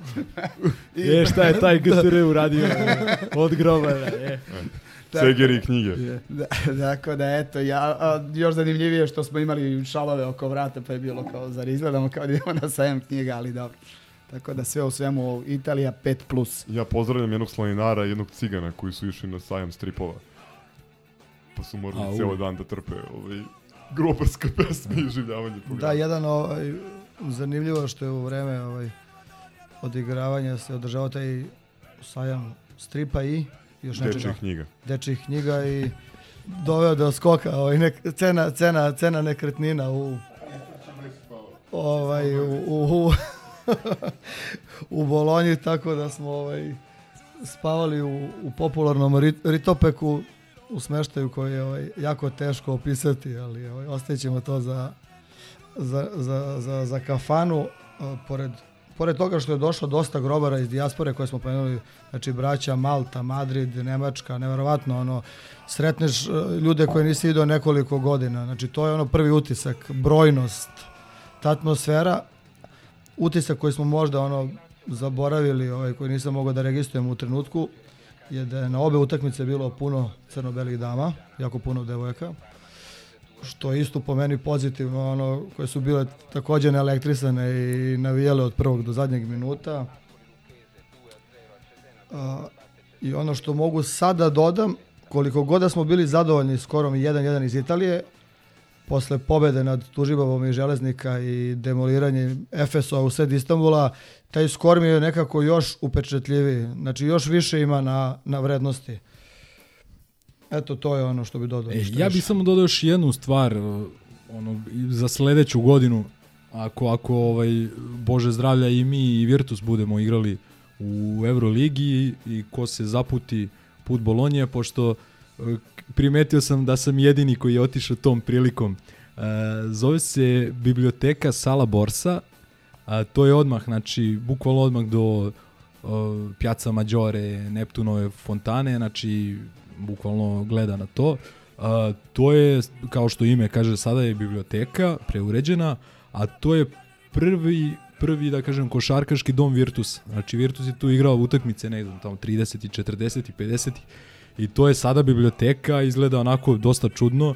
I eto, koga ono zanima malo to neke košarkaške istorije, može da izgugla već sada, znači, biblioteka Sala Borsa, a kad e, dođe u Bolonju i da poseti besplatno je može da uđeš, možda čitaš knjigu, možeš popiješ kafu, razumeš, tako da... Bolonski Roland Garros. Da. Samo, samo Kome izvini još treba- jedna stvar da ne Kome zaboravim. treba ondulacija, samo kad smo kod preporuka, evo, Crk i ja preporučujemo Il Punto, ovaj, gde smo grdne sate proveli i mnoga lepa piva popili i 2000. godine i prošle pijte, nedelje. bre, ljudi, I vino gde se pokvarila točilica i gde nisam dobio poslednju turu. Samo, uh, o, samo da ne zaboravim jednu stvar. uh, Samo da dodam da imaju odličnu haubu u klozetu i da je marke Rovent. Milenko re- je pomenuo uh, devojku koja studira elektrotehniku i koja je bila na utakmici, ne znam da li ima veze ikakve, da ne zaboravim. To, od samog uh, dolaska u Milano uh, sretali smo se sa jednim delom ekspedicije iz Aranđelovca, to su naši grobari kojih tamo ima dosta, bilo ih je troje, dva momka i jedna devojka koja takođe studira elektrotehniku i onda smo zajedno na aerodromu čekali ovaj taj let koji je kasnio bezmalo 3 sata i ludo se zabavljajući gle- gle- gledajući ovaj eh, preko telefona sad već čuvenu utakmicu u Atini. Tako da ovaj stvarno jedna dobra ekipica i ovaj devojka koja je velika grobarka i puna energije i ovom prilikom je pozdravljamo. Ja bih pozdravio Blekija Milenkovića koji je bio u mojoj blizini na utakmici i bilo mi jako drago kao jednom od, najomiljenijih mojih igrača iz ove neke novije generacije. Ili iz ovih generacija od kojih sam stariji. Ajde, kad da je kažem. krenula Radio Dženarika, ja da pozdravim Stevu Pavlovića, Dragona, najboljeg frizera istočnog trsta. Mislim, nije da meni treba frizer, ali, ali veliki pozdrav za njega. I pozdrav, pošto pozdravljate dame, da pozdravimo od Crk i ja Alex, koja je sama potegla put ove Italije. To je prava stvar, znači imate neko ko voli Svaka Partizan. čast, video sam to, da, da. Bez, bez društva, bez ove, ikakvih drugih motiva, spakuješ se i kreneš da vodiš klub. Milenko? To je to što se Neka Italije- vinska pro, preporuka, nema ništa. Pa i ne možete pogrešiti. Ne, nema greške. Chianti, Sangiovese, uh, gde god da sednete, dobro vino, kafa, dobra. Barila testenine od kilo euro na... E, da, da, da, da. U Bolonji, u Bolonji ako A ovdje 350, pola kile. Ako, Kafa. E, kafa, kafa, obavezno i ovaj, e, ako ste u Bolonji, obavezno da probate torteline I Porketu. I još jedna stvar, nemojte, e, nemojte ni slučajno da tražite špagete bolognese zato što to ne postoji. Postoji samo ragu al bolognese i to je sa taljatelama, a ne sa špagetama. Mondo Porketa, koliko Mondovih zvezdica? Pet zvezdica za ovaj ki, kiosk sa porketom, to sam već pomenuo stvarno ovaj Pa realno je to bio kiosk, ali ovaj svak, svaka čast za, za količinu i, i kvalitet, ali ovaj ne znam da li smo posle, ne mogu se setim komentarisali ovaj Milano i, i stvarno visoke ocene za Picijom i za lokal Piz u samom centru grada. Pa bit će u nekom... Možda i najbolje pice koje smo jeli ikada. U nekom novom misloju, u nekom novom misloju će da verovatno bude recenzija, gastro recenzija Italije. Obavezno, obavezno, ovi lokali su stvarno zavredeli to. Ajde, sad ajmo ja, mi na- sad stani, sad, A, evo ajde. posjećam, moram da pomenem i izložbu Leonardovih tehničkih pronalazaka ovaj, u blizini Duoma. Koliko je? 14 evra ulaz, ali vredi svakog centa, ovaj, ozbiljan onako sadržaj, a kad smo kod eh, kafe, eh, imali smo i preporuku, aj neću, nema veze. Five Guys eh, refundirao i častio obrok. Čekaj, e, jeste jeli u Five Guysu? I vra- refundirali pare. Koji ste bogovi, da. Ajde, idemo dalje. Idemo na ono što nas, što nas što nam je usledilo a, posle Italije, a to je evo kako piše ovde na ovoj našoj oglasnoj tabli Glebulja sa minus 20 na plus 11 jedna od najluđih utakmica unazad ne znam koliko godina Partizana imajući u Od vidu a, da, ali u kontrasmeru ovaj, ali imajući u vidu i značaj utakmice i protivnika i kvalitet protivnika i činjenicu da je oboren rekord ABA lige sa ne znam 17.000 i ne znam koliko a, gledalca uglavnom mi smo znali da nam je ovde pobeda a, apsolutni prioritet ako želimo da ovaj, a, da uđemo u borbu za prvo mesto i prednost domaćeg terena. Hvala još jednom Ciboni, a ne na tome što je prepustila mesto ovaj, ciganima svoje vremeno u Euroligi, nego zato što ih je po pobedila a, vikend pre i tako nam omogućila da ovde sa pobedom a, bilo kakvom da budemo ispred njih a, na tabeli i da ono držimo konce u svojim rukama što se tiče ostatka ABA lige. A, počeli smo užasno, počeli smo katastrofalno, pre svega u napadu, e, promašili smo par otvorenih šuteva, nakon toga smo ušli u određenu nervozu, gde nismo maltene mogli ni da postavimo kršte napad, e, čitavo prvo polovreme smo bili u totalnom kontra, kontraritmu, mislim da smo e, na kraju druge četvrtine bili na jedan od šest, čini mi se, šuteva za uh, tri poena, znači samo šest šutnutih trojki, to nikako nije uh, dobar, dobar uh, da kažem, izbori šuteva i napada. I, i da, jedna data.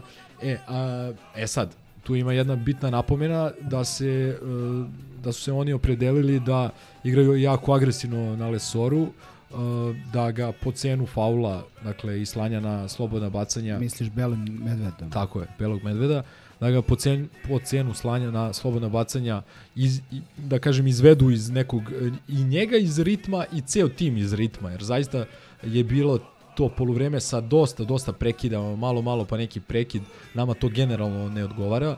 Mi želimo malo tečniju i bržu igru, e, apsolutno su nas sprečili u tome i kada se na to doda i Kampaco koji je odigrao stvarno vrhunsko poluvreme, ovaj 21 poen i ne znam koliko asistencija, ovaj rezultat je bio čini mi se 14 razlike na poluvremenu, s tim što je na 2 minuta do poluvremena bilo i 20 razlike. Dakle, mi smo otišli sa Minut 41 dobro. mi smo otišli, otišli sa odličnim rezultatom kako smo kako smo igrali, otišli smo uh, na poluvreme, očekivala se izvesna reakcija i ona se i desila s tim što nije odmah. Znači bukvalno oni su čim su otišli na 17 razlike, e od negde sredine treće četvrtine kreće ono čemu smo čemu smo ovaj svedočili svi. Samo sam to da kažem još jednu dobru ilustraciju, da pomenem jednu dobru ilustraciju tog kanala u kom smo mi bili u prvom poluvremenu, posle prve četvrtine, odnos, skok, odnos skokova 4-17. E, Neverovatno. Od toga 10 su imali u napadu. Martin nam je pravio mnogo problema. Mnogo problema i na skoku i iz pick and rolla i u odbrani zaista nismo imali rešenja i e, jedna od dobrih stvari koja nam se desila sa tim njihovim pravljenjem faulova jeste e, to što je i on između ostalih ušao u problem sa, sa ličnim greškama. Da, ali si ti lepo rekao, njihova taktika je definitivno bila da prekršajima prvo isprovociraju što veći broj slobodnih bacanja Lesora, drugo da ga uvedu u nervozu i da Koji ga... je počeo da promašuje. I da ga zamore. Da. On je čak imao, pričali smo malo čas onu situaciju, dva puta čini mi se, mi smo očekivali faul koš i bilo bi faul koš najčešće, međutim ovaj, lopta izađe, on promaši dva ili promaši jedno bacanje i delovalo je delovalo je baš nezavidno, baš je delovalo da, da to ide u jednu totalnu, totalnu katastrofu, međutim da pozdravim mog mlađeg brata, ovaj, rekao sam na poluvremenu, nije, nije kraj, ovaj, ali e, moram da kažem takođe, još jednu, još utisak samo iz prvog poluvremena na tribinama je u e, prvih pet i po minuta delovalo kao da je Kampaco taj beli medved koji se puno pominje ovih dana, s obzirom da je on u prvih pet i po minuta izveo 10 slobodnih bacanja i Smajliju su svirane na svakom iskakanju lične.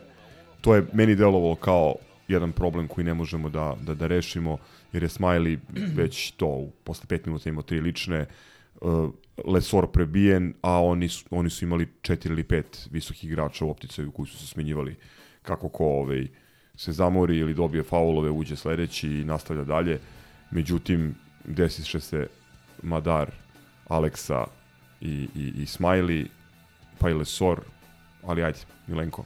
nastavi. Jeste, e, malo smo živnuli napadački, i Naneli je tu imao par dobrih poteza u tim nekim kriznim momentima na 10-15 razlike e, za njih E, i onda se dešava sledeća situacija, čini mi se da Panter izlazi, a da ulazi Madar. I da krećemo sa tom e, čini mi se petorkom gde je bila gde, gde smo igrali sa Exumom i, i Madarom dakle sa dva nominalno playmakera i tu kreće onako pravi pravi preokret. Mislim da je ostaje kao definitivno apsolutno potez utakmice ona, ona situacija na kraju treće četvrtine kada Vildoza dribla sebi u nogu, Lesor se baca, uzima loptu, e, vrlo inteligentno odigrava odmah do Madara koji zna tačno šta treba da radi, ima predstavu koliko je vremena ostalo, ima predstavu ko je oko njega a, i koliko prostora ima i diže onu trojku koja je a, apsolutno, apsolutno mislim da je ta trojka prelomila utakmicu. Ok, dao je Ledej posle jako bitnu trojku za prvu, prvu našu prednost na utakmici uh, i još uh, par bitnih, stvarno bitnih uh, momenata je ona odbrana Smajlagića, odnosno rampa na uh, Mitroviću, na, kad smo, čini mi se, prešli u vojstvo ili smo spustili, spustili smo minus jedan uh, i uh, nakon toga i ono bacanje i uh, vađenje lopte iz, iz auta kada je pogodio isto mislim Mitrovića u nogu na plus 4 čini mi se i tu smo već imali ot, utisak luda, da ih- luda da sekvenca Jeste. Smajlagića. Samo e, da se vratim, slažem se sa tobom potpuno da je trenutak koji je prelomio utakmicu bila trojka Madara u finišu treće četvrtine, s tim što e, mislim da cijela situacija dobija na težini zato što je on postigao dva poena u prethodnom napadu i u trenutku Iz kada... teške situacije. Tako je. I u trenutku kada ga je, lepo si rekao, Lesor inteligentno izbacio, e, lopta je odskočila nezgodno, pogodila ga je, međutim on se nije, nije zbunio, zadržao je fokus, naskočio i pogodio. E, Ja ne, ne pamtim da je ove e, godine u areni da, da se čuo ono... Eksplozija. Da, Da se, se čula gla, prolomilo, da se glasnija, glasnija eksplozija oduševljenja nego tada. Mislim, to je bukvalno... Imam, imam par snimaka, sam video nekih prijatelja koji su snimali pre svega sa nivoa 400, gde se bukvalno potpuno pojebavaju u ono nivo zvuka.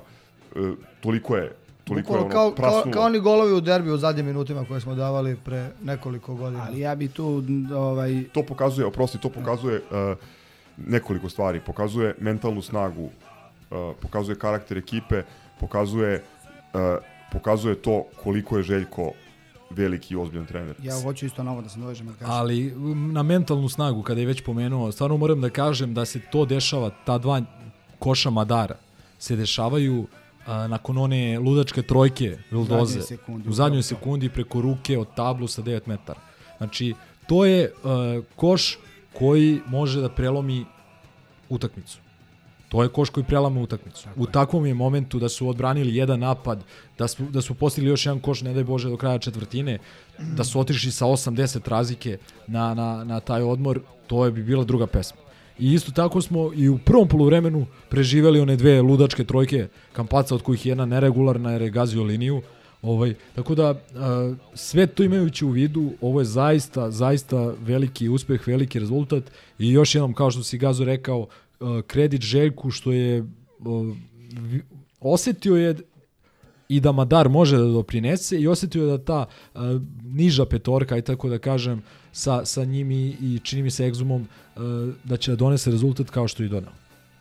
Pa, Ja sam hteo da kažem u stvari ovo što je Milenko upravo i rekao, to koliko su jaki u glavi kad posle onakve trojke za, za kako beše, plus šest čini mi Plus se. 8. Plus ne, o- uh, plus, plus 8, plus 8. Posle toga njih, ide 5 poena Madara i minus 3. I ovaj, uh, znači prišli smo na pet, mislim čak da smo promašili napad i onda oni imaju ono 30 nešto sekundi do, do kraja, šutiraju ono, ono, što, bukvalno to, u, u, trojka koja ubija u pojam i publiku i ekipu, a onda Madar, isto to bi naglasio, delovalo je kao da je dao mnogo više, ali on je u stvari malte ne sve poene dao u tih 20 sekundi ovaj, na kraju treće četvrtine od, od sedam dao je tih pet koji Nisu su samo realno poeni, odbrana i ona Asistencija. Ne, ne, ne, asistencija sporno, bez gledanja, čisto, da. ono je jedan od najlepših poteza sezone. E, ono je recimo nešto što su e, komentatori a ću kažem sport kluba, komentatori Zvezdinog kanala na privremenom radu u sport klubu e, ono egzaltirano, orgazmično pratili pričajući o kampacovim listovima, butinama i ne znam čemu. Ono je pesma, ona asistencija. U takvom momentu. Znači, ajde to je nešto, to je nešto što prelama, što prelama protivnika. Uh, delovalo je da su, mislim, gledao govor tela ponovo. Uh, Mitrović, um, dobro, Pefi Ivanović. Marković, Pefi Marković, Ivanović, delovalo je kao da su se potpuno predali. Kao da su se potpuno predali. Bildoza. Potpuno su izgubili samopouzdanje. E, naravno, m, treba biti realan i fair i reći da je verovatno povreda Dobrića njima dosta poremetila plan, jer on, jer on je tu bitan igrač. Da, Nedović im daje opciju da jeli, rotiraju na 1-2, ali Dobrić je, nažalost, znamo to, uvek protiv nas izuzetno motivisan i on je obično taj igrač koji u tim kri kritičnim trenucima uh, ume da, da pogodi neke teške šuteve. Ovde ga nije bilo i oni jednostavno nisu imali rešenje. Da nije bilo onih e, slobodnih bacanja Ivanovićevih u, u poslednjem minutu, a, mislim da bi ovo išlo preko 16 i da bi e, čak i ona poslednja slamka za koju se drže, a to je ovaj, razlika, koš razlika iz prvog susreta da bi to otišlo A u istoriju. prilog tome, baš si ti onda rekao, ovaj, na, na utakmici u jednom trenutku mislim da je bilo nekih 8 ili 10 za nas, na primjer 3 minuta do kraja.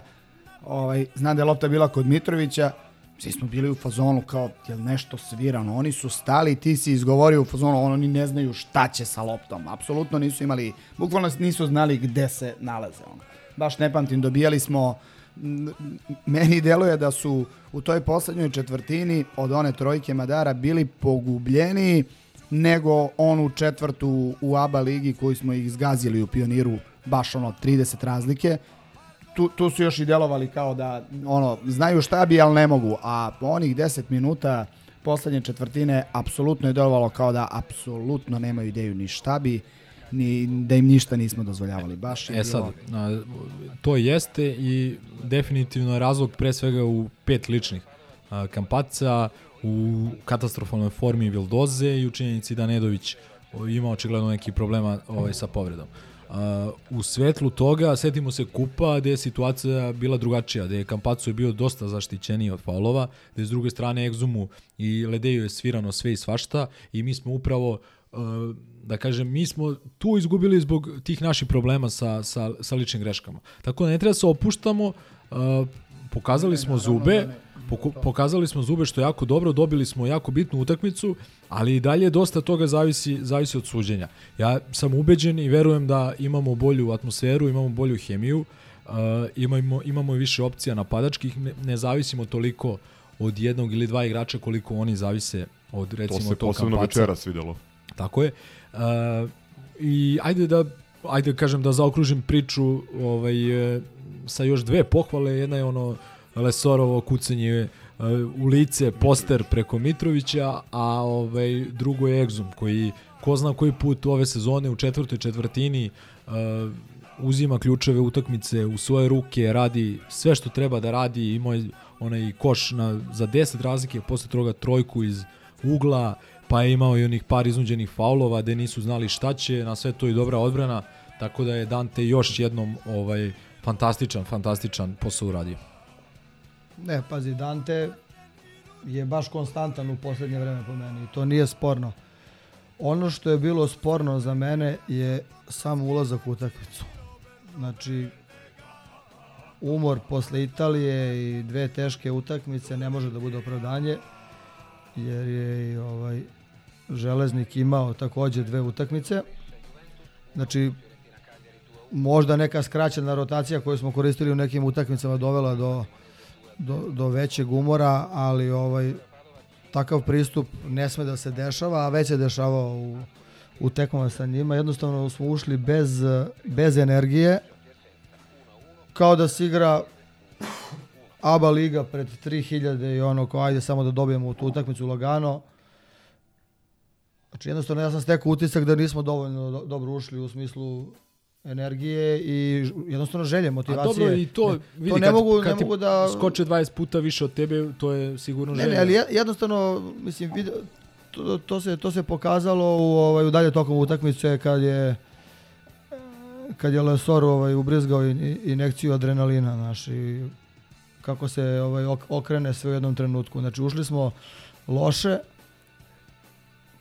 po meni svaka čast ima daru na ta dva, tri poteza, Egzomu koji je konstantan i Ledeju koji je dao dosta poena.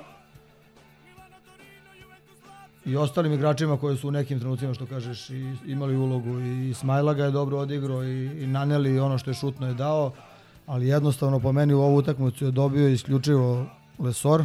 On je se držao u životu i kad su oni vodili i 14 i 15 razlike i kad je mašio slobodna bacanja on je jedini koji je igrao sa, sa velikom željom koji je skakao u odbrani u napadu koji je pokušavao držao je tim bukvalno na, na aparatima i onda jednostavno ono svojim brojem, ne samo brojem poena, ajde dao je 27 kao to je utisak broj 1, ali daje tu inekciju, pravi sranje koje je napravio, digo je atmosferu, preplašio ih je, bukvalno ih je preplašio.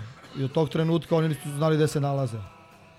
A na što je najgore? Znači po meni, po meni je on igrač koji je dobio tu utakmicu, ne samo zbog uh, 27 Ne, poena. nema- nema je tu ono dileme. fantastičan skor, ali jednostavno čovjek je sa svojom energijom po kojoj zna koji put podigao atmosferu i doveo te do pobede.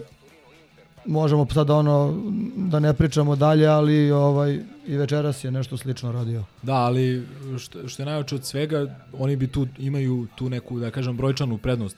Ako negdje imaju, imaju na poziciji 5. Znači, Martin Mitrović, Kuzmić, koji može da odigra 3, 4, 7 minuta, pa na kraju krajeva i Petrušev koji, ok, igra sad isključivo 4, ali može, može, da odigra, može da odigra i 5. Tako da, uh, neverovatno je da su se svi oni izmenjali na, na njemu, a da apsolutno niko nije imao nikakvo rešenje osim tog pravljenja faulova i uvođenja samih sebe u probleme s ličnim greškama. Ma ne, I, to I su- skupljanja materijala za saopštenja posle.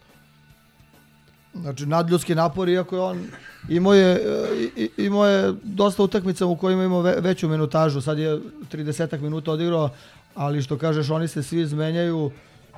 Čovjek bukvalno sa 120% igra. Ono je, ono je nad, nadljudski napor. Meni, je- mene to malo brine i moram da priznam da e, se nadam da će Balša da se oporavi makar Koliko toliko da- makar fizički da bude prisutan jer e, nisu samo ovi igrači koje je Milenko pomenuo, tu je i, i Mitrović, Klovan, tu je i Bentil, znači imaju oni dosta Raduljica. pa na kraju krajeva He, he. može, može i on da statira, u svakom slučaju može da u reketu da, da, dopri, da da neki doprinos, može napravi pet faulova, znaš. Ove, tako da mislim da i dalje i dalje mislim da, da, da, da je trebalo potražiti, evo ti ga Bonzi. Tako je, Bonzi Colson, Milen, a ne, ovo je ovaj, Baldwin. Um, u svakom slučaju, uh, hoću kažem u, u vezi Lesora još, još dve stvari. Uh, pričali smo pre početka snimanja. Napravili smo poređenje sa ovom utakmicom prošle godine protiv Burse, gde mu je verovatno samopouzdanje bilo na minimumu, gde je ušao u seriju promašenih slobodnih bacanja iz koje nikada nije izašao. I završio je na koliko? 13-4 ili tako nešto? 4 od 16. Jel tako bilo? Turk Telekoma. E, šta sam rekao? Bursi, ja mislim. Da. Et, eto šta mi je, šta mi je na pamet. Turk Telekom, da. Um, ovde i u trenucima kada je bio ispod 50% sa šutem, u, iz publike je dobijao pozitivne vibracije, podršku, aplauz, sa klupe takođe, potpuno se popravio, fokusirao, u drugom poluvremenu nije promašio ni jedno. Večeras, timski, smo šu- šutirali 28-28. Um, takođe, mislim da je uh, da, su, da je onih par zakucavanja u drugom poluvremenu, ne, ne samo da je ciganima ušlo u glavu, nego mislim da je njega ozbiljno energetski podiglo, kao i, kao i dvoranu naravno. I e, tu, tu se slažem sa Mondom, mislim da je to jedan bitan sastojak e, naše, naše, naše pobede. Hoćete sada pričamo o, o drukanju i ovom neverovatno, ili, ili da to ide Ajde, kao... sportske mo- Po, stvari. e, a samo, samo pre toga, pre Ili toga u ništa sporno, samo, da. samo jedna stvar vezana za, za Lesora. E, naravno da bi nama jako prijao još jedan igrač visok u rotaciji, a da je kvalitetan. Znači, ne dovodiš da bi doveo. Nego Imali da, smo jednog takvog. Da, već stvarno kvalitetnog. E sad, pit, pitanje... Ne bi on bio ovo što jeste. Da, pit, pod broj jedan, pitanje je da li imaš sredstava, pod broj dva, da li postoji takav, verovatno ne na tržištu. U Breši. E, pa sad, ne znam. Nije igrao ni, ni Eurocup, ja mislim. Pa i ovaj je igrao u Makabiju na kratkoročnom ugovoru. Ko? Lesor? Slučaj Euroligi nije igrao, da. Pa je igrao je, igrao je u Bambergu, igrao je kod Ciga na Euroligu, igrao je bio najbolji centar Evrokupa, znači imao je neki, da kažeš, CV pre, pre dolaska i on je ono leto, kao što sam više puta rekao, angažao je nekog, ne znam ja kako se zove, stručnjak za individualni rad, radio jako kvalitetno i to se vidi. Leto I- kad je naučio da leti. I uh, još jedna stvar, baš sam slušao uh, Milojevića, ovaj, Dekije Milojevića u, jedno, u jednom podcastu kad je rekao kao uh, da je Micić postao to što jeste kada je dobio 30, makar 30 minuta ovaj, uh, i loptu u rukama. Isto tako i Lesor, mislim da na nekih 16-18 minuta ne bi bio ovaj Lesor, da ovom Lesoru uh, prijava veća minutaža, veća potrošnja, da se dosta toga, dosta toga zavisi od njega. Sad je sad, naravno jedino pitanje je da li može izgurati celu sezonu, mi se svi nadamo, svi se nadamo A da može. ja bi se vratio i na ono što je posle, eto, ovaj, slučajnosti, baš posle onog prošlog Istambula i Fenerbahčeja, mislim da je Tegi o tome pričao, o, o, o poverenju koje je on ovde najzad dobio, da je svuda bio katovan, imao malo minuta, da je ovo Pa na godinu dana malo te menjaju. Da, prvi put da je dobio neku ozbiljniju šansu i postao ono top 3 što se tiče centara. I naravno ide ona čuvena fraza da centri kasnije sazrevaju. I Ima i toga. MVP celog kola ABA lige, što je malo ko pomenuo, jer je u prvom planu naravno bila Haranga, koju je Madera pokrenula protiv njega da bi s jedne strane pokrila ovu blamantnu utakmicu gde su od minus 20 došli Odnosno plus 20 svojih plus došli, 20 na minus 11 i drugo da bi verovatno ovaj ljudi zaboravili da su izgubili pre toga i od Panathinaikosa moćnog i da su izgubili u Zagrebu uh, uz mnoge ne, slične situacije, aj tako da kažem. Ajmo mi da nastavimo ovaj, ovaj sportski deo ovako lepo. na Hoćemo ovo, ovo da. u ništa sporno da stavimo. Apsolutno. Razdvojio bi ja. Može. Me sve jedno. Ok. Efes. Efes. Jao, Još jedna jao, ludačka. jao, jao. Još jedna luda utakmica. Veliki obrt ponovo. 6-23, negde sredinom prve četvrtine, delovalo je da nam preti jedna potpuna katastrofa. Ja sam čak evo imao svedoka ovde, malo dramio i oko te neke potencijalne razlike, jer za slučaj da Efes uđe u neki krug sa nama, što u tom trenutku je delovalo, delovalo jako realno, ovaj, da bi taj neki veliki poraz u ovoj utakmici mogao da nas košta negde plasmana dalje ovaj, E, Na kraju, kad se budu e, svodili računi, međutim, počeli smo da e, radimo ono što nismo radili u tih prvih 6, 7, 8 minuta. Pod broj 1 odigrali smo dosta kvalitetnije u odbrani. Kad kažem kvalitetnije, pre svega mislim na samu agresivnost, kontakt koji smo pružili o Efesu. Jednostavno, nekako smo počeli premekano, e, dopustili smo Miciću da, da postigne brzo nekih 7-9 poena, da razigra druge, da pogode nekoliko otvorenih trojki. A, tako da tu recimo Madari bi e, sigurno će imati kritike od Željka. Ovaj dosta toga se menja ulaskom ulaks, ulaskom Avramovića. On nam je doneo tu e, potrebnu čvrstinu u odbrani, pot, po, doneo je tu neku potrebnu agresivnost na lopti i naravno Zek Ledej koji je definitivno igrač koji je koji nas je održao u igri i vratio nas uh, vra- vratio nas u utakmicu. On i, i Aleksa rekao bih u tim momentima da su uh, zaista bili uh, ključni ključni igrači. Nakon toga počeli su da se pridodaju i Naneli i Exum i Lesor i na kraju smo čekali samo Pantera. Pantera smo čekali, njega su napadali, primili smo dosta poena preko njega. Par puta je mogao da pravi faul, da rizikuje. U tom trenutku nije ni bio u problemu sa ličnim greškama, mogao je da ih seče kad nismo bili u bonusu, on to nije radio. Primali smo dosta poena, međutim, igrali smo jako pametno u napadu. Zaista smo napadali gde treba da napadnemo. Uh, I na kraju smo okrenuli, okrenuli smo čak do poluvremena, plus 4 je bilo negde na uh, pred posljednji napad Efesa u prvom poluvremenu, iako smo dali, čini mi se, samo jednu trojku do tog momenta. Samo je naneli, uh, mislim naneli, da je naneli da, taj koji je dao uh, trojku ovaj, do tog momenta. Uh, dobra, dosta dobro smo ih napadali, terali smo i da prave faulove i taj, ta velika preciznost izvođenja slovnih bacanja nas je držala u igri, evo to se održalo do kraja utakmice i ovo je mislim jedno od rekorda, ako ne i rekord 28 od 28. Sva, stvarno ono se ne viđa, ne viđa svaki dan. Uh, drugo poluvreme uh, solidna treća četvrtina, imali smo dva, tri napada i odbrane povežemo super, pa onda primimo dve brze trojke, napravimo glupost u napadu i tako dalje. Igralo se gore dole, međutim otišli smo u egalu nekom a, na poslednju pauzu, pridodao se Panter. Panter se pridodao, ovaj, postigao neke jako bitne poene, postigao onu trojku kad je ostavljen sam, malte ne, na, čini mi se minus 4 ili minus 3. Ovaj, I on se tu uveo. I onda kad se uveo, on tu nije bilo stajanja. Krenuo je da sipa Streaky player. iz, i preko ruke i iz naskoka i sa jedne noge i iznudio i slobodnih bacanja gomilu. Ovaj, naravno, Aleksa imao isto dobru sekvencu u trećoj četvrtini, pogodio one dve, tri trojke uh, koje su nam onako jako, jako značile. Uh, naneli da kucnem u drvo, izvini crk, ali moram, u sve je boljoj formi ovaj, i postigo neke jako bitne, jako teške poene večeras i onda kad uđete sa to nekom prednošću od 5-6 razlike na 5-6 minuta u kraja utakmice date loptu ruke gospodinu Danteu i kažete ajde molim te prive- privedi ovo kraju. Kako dolikuje to je bio slučaj večeras ovaj, dosta pametnih odluka Egzuma, iako nije se nadavao, bog zna koliko pojena, mislim da je završio sa 9.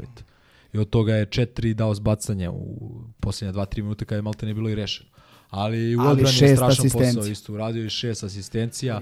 I dodao bih još jednu stvar, ogromna, još, još jednu moram da pomenem, Smajlagića, Smiley je, ja ne znam, ono, i to, eto, to je, to je Željko, to je Željko, znači, uh, vratiš Madara koji otvori utakmicu onako kako otvori uh, protiv Cigana, vratiš ga, on ti uh, promeni apsolutno momentum utakmice.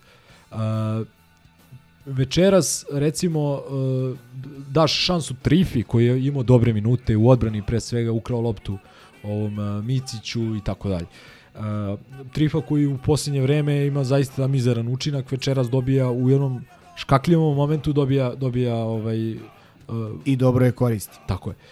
Onda krećeš četvrtinu posljednju sa Lesorom na 5 i Smajlagićem na 4, što je bio recept za katastrofu u dosadašnjem toku sezone. Mi smo na kraju krajeva i kup izgubili uh, kad smo pokušali da odmenimo Ledeja i ti staviš Smajlagića na 4 ne probaš sa Papa Petrom koji očigledno nije bio u utakmici, staviš Smajlagića na 4 da zameni tvog najraspoloženijeg igrača do tog momenta, to je Ledej.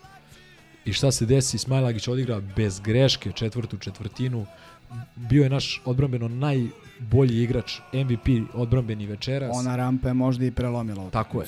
I rampa i posle toga je bio otežao im je svaki šut, bio je i na skoku. Ma fenomenalno, znači za, za neku ko cijelu sezonu igra drugu poziciju, a to što igra na toj poziciji koju je igrao večeras, igra katastrofalno, ovo je nešto, ja ne znam da li bi se iko usudio, osim Željka Obradovića, da to uradi. Pričamo Iz Lapelog. pričamo interesantno da iz Lapelog Turčina. Iz Lapelog Turčina. Pričamo interesantno da nije dao nijedan koš. Smajlagić. Eto vidiš, eto, to je to. A fantastičan učinak. To je to. Sve ovo što si opisao, od onog smeča pa do, do sekvencije u odbrani. E, ja mislim da je ovo večeras bila definicija timske pobede. Na kraju mislim da smo imali pet igrača sa dvocifrenim učinkom. Tako, tako? i to svi su 14 plus. Tako da Ponovo mislim da je tim pokazao mentalnu snagu koja mislim da je rezultat dobre atmosfere, dobre hemije u slačionici i dobrog vođenja i dobre pripreme utakmice. Mi smo, ja mislim, u tri navrata imali ozbiljne serije, uh, uključujući ovu poslednju koja je bila 18-2 recimo ili tako, tako nešto. Pričemu ti ovde nisi igrao protiv studentskog centra ili Tajfuna i Šentjura, nego si igrao protiv Klajburna, Larkina, Micića, e, ovog Dunstona. Singletona, Dunstona i tako dalje, dvostruki prvak Evrope i jedva čekam da vidim, pošto ovo snimamo neposredno posle utakmice, da vidim naslove, pošto se sećamo kakvi su naslovi bili kada je Železnik pre 7 dana pobedio Efes bez playmakera, da vidimo kako će sad biti naslov. Bez dva najbitnijih igrača. Pošto je ovo, ovo verovatno najveći skalp koji smo napravili ove, ove sezone i moram da kažem još jednom uh, koliko se stvari na ovaj broj utakmica i uz ovako zgusnuto, nenormalno takmiče, koliko se stvari brzo menjaju. Setite se kakve su bile priče pre svega 40-50 dana. Partizan ne može nikoga da pobedi u gostima, Partizan Ne može da dobije neizvešne završnice. Tako je, Partizan nema dovoljno širine u, u timu. Ovo nije naravno, ovaj, ne želim da kažem da ne bi bilo bolje da imamo još jednog ili dva igrača na nekim kritičnim pozicijama, ali ovo deluje sad kao ozbiljna takmičarska ekipa, čak i, i na ovom najvišem evropskom košakaškom nivou. Um, žao mi je što umetnik u ljubavi nije ovde, ponovo ispalio, ali i posle ove velike pobede moram da kažem da je ABA liga prioritet i da je ovo što gledamo čist bonus, čisto zadovoljstvo, ali da pobeda nad uh, Glibuljom u areni ipak vredi mnogo više nego nego sve ovo drugo što je umeđu vremenu, što nam prija i što nam imponuje i što je fantastično, što je nestvarno. Ali ovaj pol pozicija u ABA i, i, i, i, i ono, veće šanse da osvojimo taj trofej, mislim da, da je to prioritet broj jedan za ovu sezonu. Rima za parole, pol pozicija u ABA ili je sve drugo džaba? Evo ga ovaj peti mikrofon, 13. prase. Mislim, pustili smo Lemzija da, da započne, onda šefa nastavi, tako da ne znam da li vam pričam neku anegdotu ili tako. Ovaj, po meni fenomenalna utakmica i definitivno najveća pobjeda ove sezone. A, a pritom kako je počelo i kako smo gledali, ja sam u jednom momentu pričao, ajde, ajde ubaci, pošto nikom ništa ne ide, ajde ubaci 300 da, da trpa trojke, mora nekog statistički da krene, međutim onda je krenulo prvo ledej, onda boga mi Exum naneli i onda se na kraju i Panter koga je Lemzi onako dosta dosta iskitao ovu tekmu ovaj, vratio i šta kažem sjajna pobjeda potez utakmice definitivno ona banana Smajleja po- propraćena to jest a, krunisana trojkom Nanelija. A, nije, naravno da smo se nadali, ali malo ko je smeo da očekuje pobedu kamoli ovoliko ubedljivo. Eto, toliko od mene, ovo kratko. Pa, glavni utisak iz ove utakmice je upravo to što smo pomenuli na, malo pre da smo mi preokrenuli situaciju pre svega u našim glavama jer sada ono u tekme sa ono najvećim evropskim ekipama koje su klackalice dobijamo znači u trenucima kad primiš one dve trojke kad ti stižu kad preokrenu teško je vratiti se, znači teško je održati, znači ipak igraš uh, u gostima protiv jedne ekipe koja ima neverovatno dobar roster, neverovatno dobre igrače na poziciji 1. Prosto dva puta za redom prvaci Evrope. Tako je. Klackalica, oni ti nek, praćne ti Klajbrun dve trojke i ti ne padneš uopšte, nastaviš jednostavno da igraš dobro i opet im odsečeš ove pipke. To, to je stvarno neverovatno, mislim. Ja sam, I sad, sad gledam nešto što je ovaj, zanimljivo. Uh, Panter 19, Lesor 17, po 16 Sledej i Naneli, 14 Avramović, svi negde približno minutažu, osim Lesora koji je igrao ovaj, bezmalo 36 minuta, što je ponovo... Timska pobjeda. Vjerojatno, znači, timska pobjeda i I Exum 9 sa šest asistencija, što bi rekli. Ma Exum je odigrao fantastično, bez obzira na broj poena, ali opet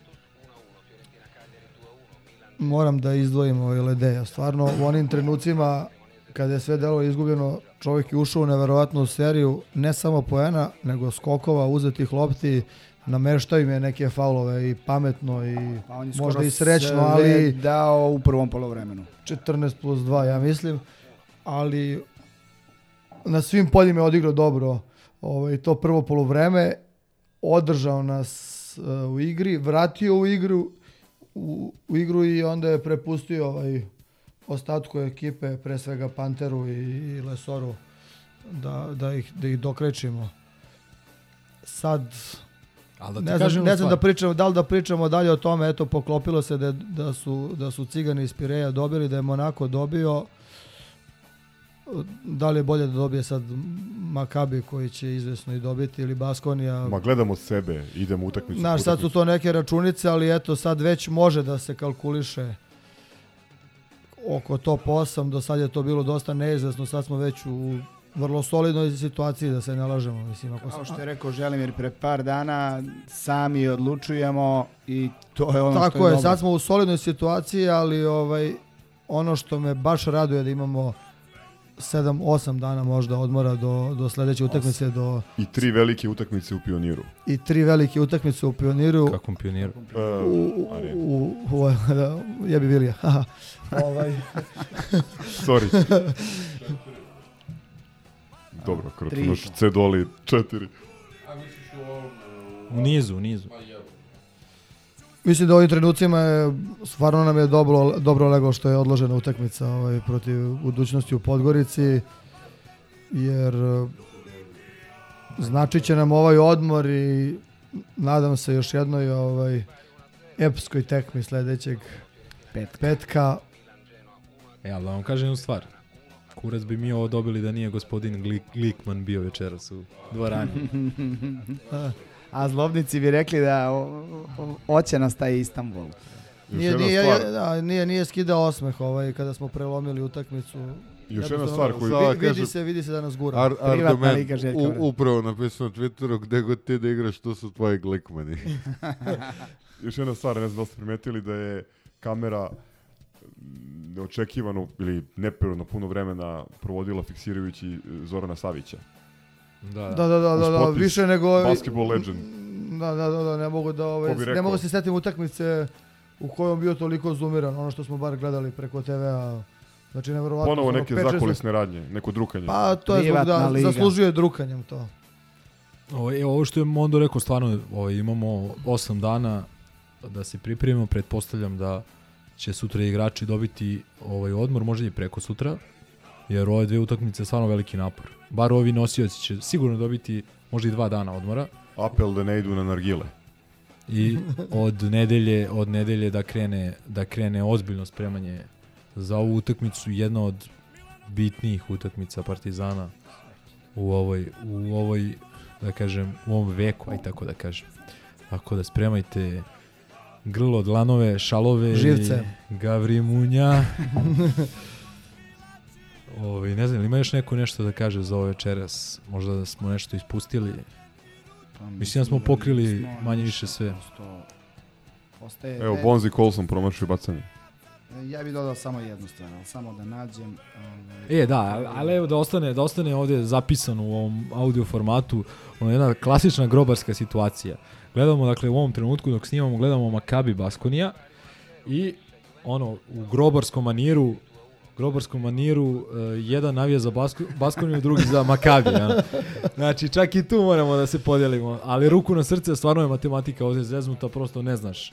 U stvari ne znaš Da, šta mislim, će ti... pro, iz ove utakmice ćemo sigurno profitirati večeras, Na neki jer, jer način. će jedan, Jedan ovaj, tim će izgubi. jedan oponent za top 8 ovaj, otići I bilo bi dobro da ovi mrtvaci iz Valencije... stepenik niže, Real, da. ali ovaj, ne znam, ja sam nekako navio za Baskoniju, ali ko ja bi, zna, ja ko bi zna. samo završio sa, sa učinkom Partizana, u, pošto smo ostala još jedna utakmica u gostima, tako da smo obavili 95% sezone što se tiče gostovanja u, u, u najjačem takmičenju sa skorom 7 od 9. A vratit ću se na ono što je malo predušan rekao, pre nekih mesec, mesec i po dana su raznorazni portali, takozvani sportski listovi to radili I neki naši navijači. da, duboke analize koje su išle ono do sezone 2000-ta, 2001 kako Partizan u gostima tako je, nema roaming i u gostima ovaj, ima katastrofalan učinak i slično, tako da mogu samo da nas povuku. Nakon toga je došlo šest pobjeda u gostima od, ja mislim, ono, devet utakmica. I to kakvih? se. Da, i, i još jedna stvar, samo, ne, ne znam za ovu sezonu, ajde, sačekat ćemo da se završi pa ćemo vidjeti, ali recimo, prošle sezone čini mi se da su samo dva tima u čitavoj Euroligi imali pozitivan skor u gostima. Znači da su Ove imali godine više... ih ima solidno. Jedan, da? dva, tri, četiri. Za- Mislim solidno. Za sad Ali četiri. čudnija je, čudnija je nekako Euroliga i e, rezultati su čudniji, izjednačenija je liga i još jedna stvar, to je onaj neki, ja mislim da svi dele taj utisak da dosta bolje suđenje imaju gostujuće ekipe u odnosu na neke prethodne, prethodne ovaj sezone. U našem slučaju to definitivno stoji i evo, ne znam, ako će neko da se kladi, očekujemo špansku mangulicu protiv Olimpijakosa. To bi stvarno bilo previše, mislim, gledajući, možda i procentualno, totalno ovaj, nerealno, ali Voli da bude u centru pažnje, a zna gde je sva pažnja. tako je. Nadam se da će to Glikman regulisati sada. A i posjetiti nas narednog petka. Klikman junior. Jel to to? Milenko odmahuje rukom, ništa, idemo fuzbal. O, baklava.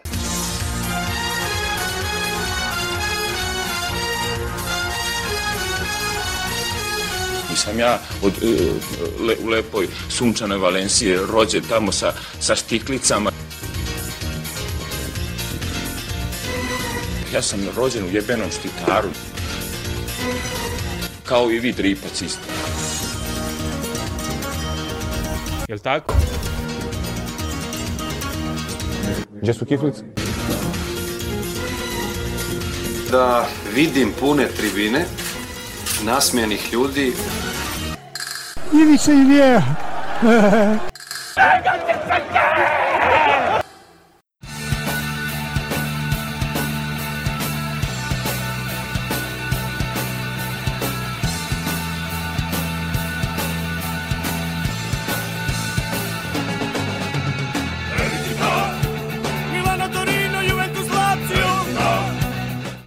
Vam kažem da je Leipzig pobegao ovaj, od, neprijatnih tema. Kao Partizan iz KLS. Jeste, tako je bilo i da, da, da smo pukli basket, ali sad nema veze. Ovaj, futbol. Uh, gledali smo onu, onu, onu kolubaru na nekom jezivom streamu sa gomilom pop-upova iz, Milana. To je čemer hvali se popularno. I ona je baš bio užas. Ovaj, pritom a, nije ni problem, aj kao, sad vratit ćemo se posle na problem da mi imamo užasno kratku klupu, kako bi se reklo, i da gomila stvari ne radi u klubu, ali pored svega toga jebate, ono ono je baš, baš bedno bilo. E sad, e, ono, da, da se ne lažemo, igrali smo bez Rikija, ovaj Siroti Pavlović, on je dobar kao drugi špic, on je nešto tipa Tavamba, ono, ali znači mi ukratko igramo bez rezervnog špica, bilo kakvog. Nemamo, nemamo ni omladinca, mi imamo Sameda koji opet polušpic igra u sredini, znači mi igramo bez drugog špica, mi igramo pa ne znam, stvarno glupo je uopšte da diskutujemo o, o rezultatima, mislim, a situacija je bila da je poslednjih par utakmica čak i legendarno stondirani i i upao burek heroina. Kad je bio mali zgro počeo da, da se nervira i da da ovog puta svaljuje krivicu na igrače. S tim što po meni ne treba se time baviti uopšte. Činjenica mi nemamo špica nije do igrača činjenica da Bog zna, mislim sad ovo su nagađene činjenice, da li ovi ljudi uopšte primaju platu, ko tu radi, ko ne radi, šta je, gde ali znači na delu je potpuno rasulo i to se na kraju krajeva videlo na terenu. Na terenu koji opet, ako ste gledali pažljivije, u stanju bunjišta, znači mi se tamo ono, kukamo na, na neke lučane, na, na Niš na ovo, naš teren je katastrofa neko bunjište. Tako da, ne znam šta da kažem, ono, tamna je noć. Ovaj, ali sad to svaljivati naročito na dulja, nikakve veze, pa čak i igrače. Ja se nadam da ćemo uskoro ovim ovim monstruima videti leđa i da pa ajde onda polako. Mislim, nemam, nemam neke, ja nemam iluzije da da mi možemo da budemo šampioni dok je trenutni vlasnik Srbije na, na vlasti, a opet nemam iluzije da to možda se promeni u ne znam koliko dogledno vreme, ali daj barem da, da se ne blamiramo, ne pravimo ovako, to je da na kraju krajeva se jedan zlikovac ne bogati na, na našoj muci. Eto, to ne znam šta bih dodao. Nadoveži se za Aj Kolubaru da završimo još 3 minuta. Iskreno ovaj nisam, nisam, nisam gledao tako da ću preskočiti Plus ko, komentarisanje. Mi smo gledali zajedno Da, na da, tom da, da, da. lošem Dalja tele i... Znači, osim što sam ovaj, manđare. ispizdeo, iako, iako nije čak ni neočekivan kiks. Pa Ovaj, jasno sve ti važno bilo od Partizana. Da. Jezik u vinu, kažeš. Ne znam da li ste svesni toga da smo mi predposlednji u Superligi po formi na domaćem terenu. Poslednji put Fun, fun fact koji uopšte nije fun. poslednji put smo pobedili na 1A na Vilijev rođendan. Au. Bedna utakmica, kao što je Crk rekao. Samo da vam kažem Vile Škorpija, pa vi računajte. Da, poslednja pobjeda na domaćem terenu na Vilijev rođendan. Bedna utakmica, ne bedna, nego ne znam koji bih pride upotrebio poseta, ali to ima veze sa namerno izabranim terminom koji apsolutno nikome ne odgovara. Pa dobro, ali to će se popraviti već u petak kad je termin u koliko već četiri. Da, termin. Znači, što ja apsolutno ne mogu da stignem da ga jebem i... Sve preče od Partizana. Utakmica protiv, kako piše na Partizanovom Twitteru, koji protiv rade rada. nešto. Da, da, da, to je... E, to je više u, u, u prilog onome što govorimo o organizacijom raspadu na svim nivoima. I samo još dve informacije ili dva detalja s ove utakmice. Natko 26 od 26 sa bile tačke.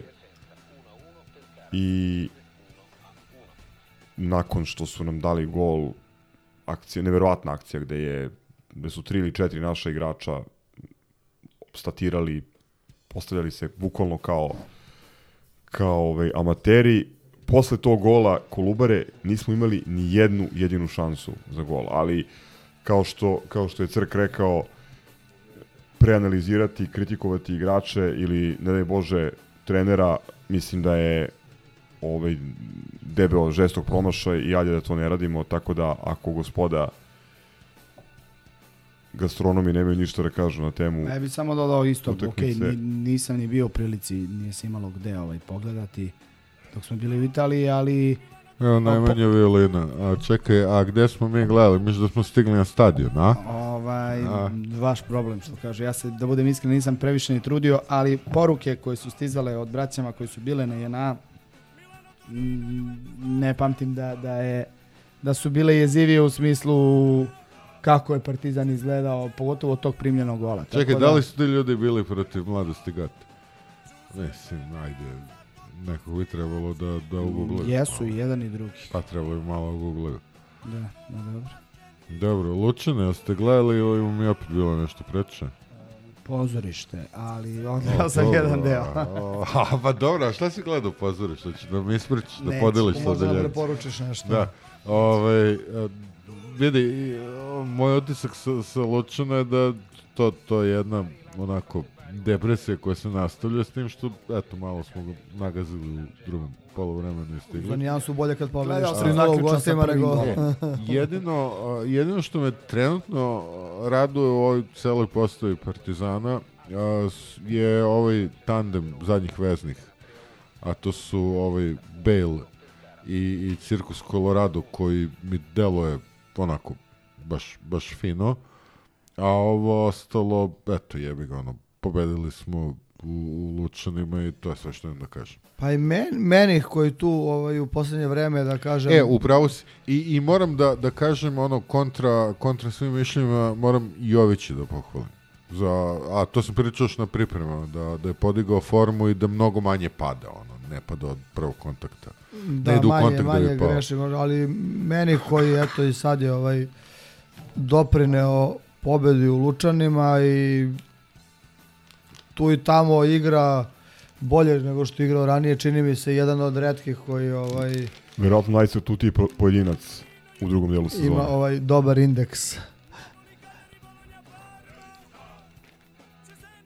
Ne, mnogo, mislim, ok, 3-0 u tom trenutku za nas je Nema, kao, kao či- kuća, da se, daj da se ne lažemo. Čisto je premijer, nismo baš nešto ni Daj da se ne lažemo, mislim. malo smo se tu kao, mislim, na dva boda smo od, možda se stabilizujemo, od, od TSC-a možda se stabilizujemo i izguramo nekako tu borbu za Ne, sad ima dve škole. mesto. Ima dve škole. Jedna škola idemo ovaj idemo da da Budemo se treći. stisnemo, a a druga škola je da budemo četvrti. Ne, drugi i Moramo treći. četvrti da budemo da bi igrali na četvrti da bi bili na jedna Aha, da, ima- da, aha. da, da izgazimo ove velike šampione, a onda valjda nekako obezbedimo, mada ja nisam siguran kako će mi to valjda nekako, ali ajde, uložimo se. Šta znam, možda je bolje ipak da budemo drugi, ne znam, ajde.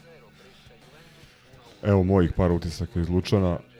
Srki kritikovao teren na JNA, ali ono u Lučanima ne znam da li je trener. Pa dobro, ali, teren uopšte. ali mislim, ipak je na, izvini, s vremena na vreme se to menja, a seti se da su nam slagali da su ugradili ne znam kakve igrači, ne znam šta, ono, bunjište. Ne, ovo je potpuno neuslovno za, za igru.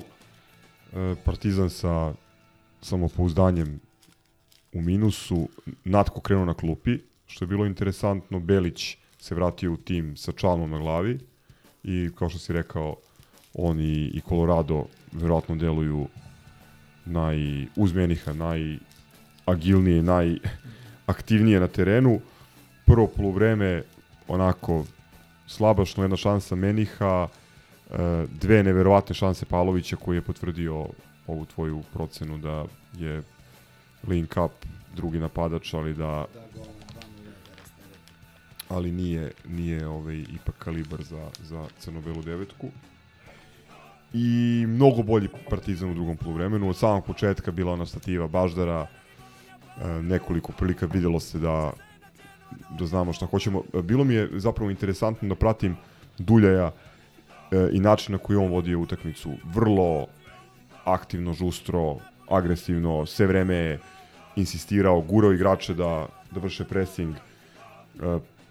Pa i kasnije kad smo bili, kad smo imali sigurno vodstvo, pre svega ove mlađe je, je sve vreme posticao da kad izgube loptu da ne spuštaju ramena i glavu, nego da jure nazad i da vrše pritisak na, na Lučanima.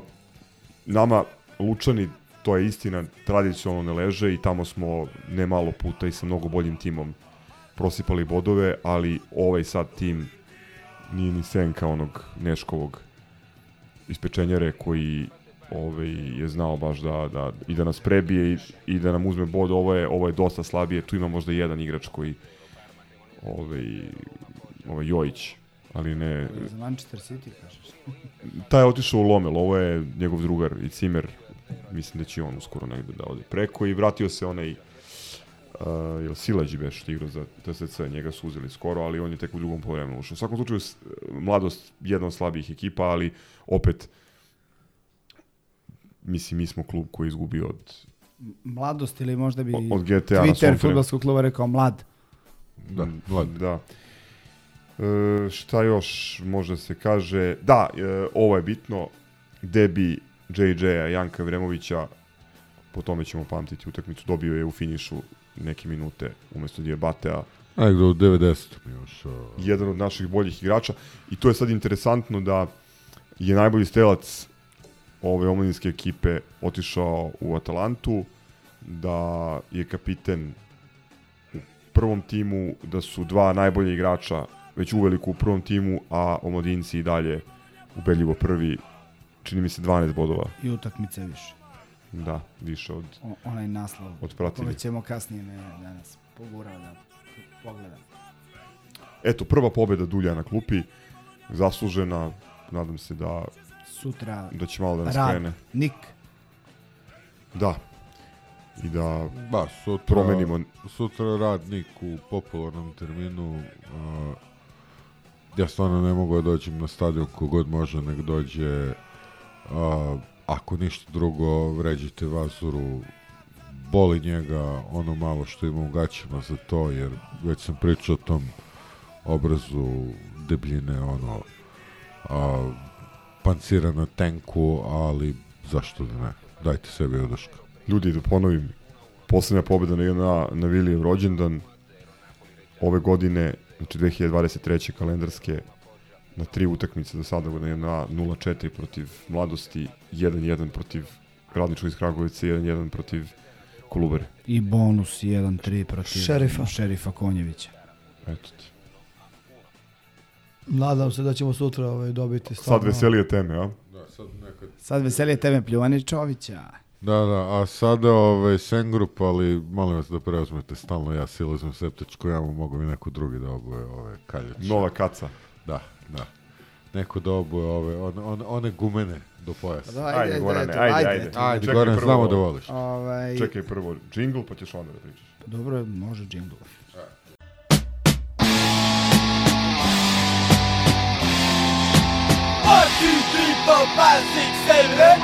Nikada u svom životu nisam video nikakvu drogu. Kada sam imao 17 godina, igrala se utakmica Željezničar Crvena zvezda, kup je bila neka utakmica, u sredu smo išli, malo nas išlo iz Beograda, tada sam prvi i poslednji put video kako neki momci duvaju lepo. I sa njima se posvađao da ne objašnjavam šta je dalje bilo i to je bilo negde između Adaševaca i Vinkovaca.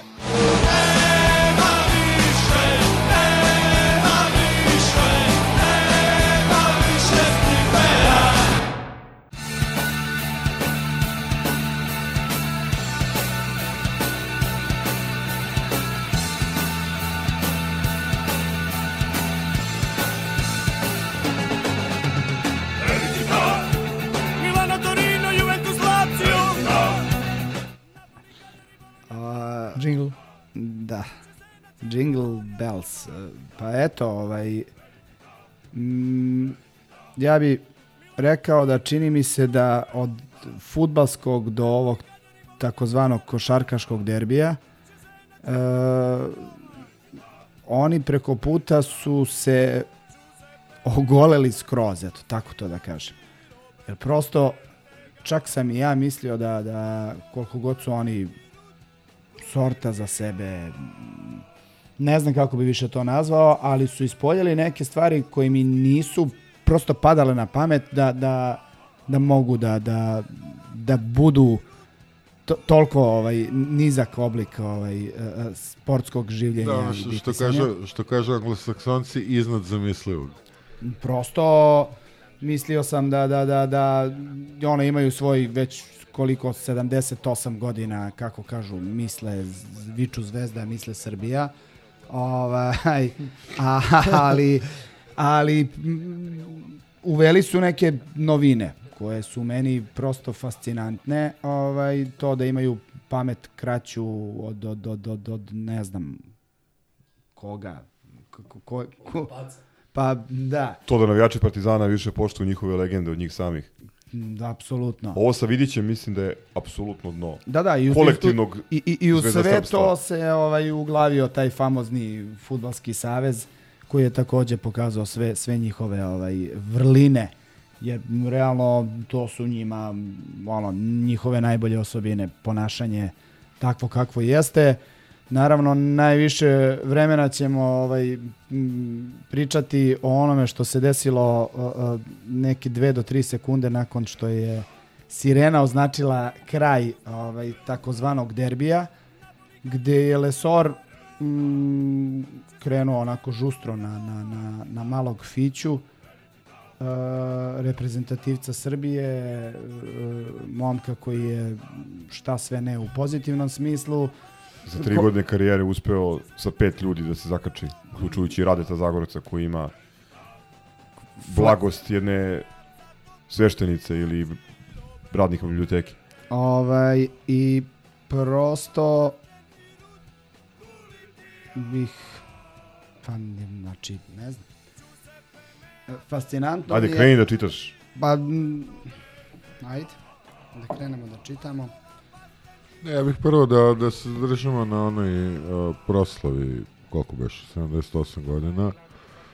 Uh, I na onim TV Radojice, već pomenjali TV Radojicu, onog zaštitnog lika, ovaj, nekog njihovog marketinga ili bog zna čega. Zvezdan.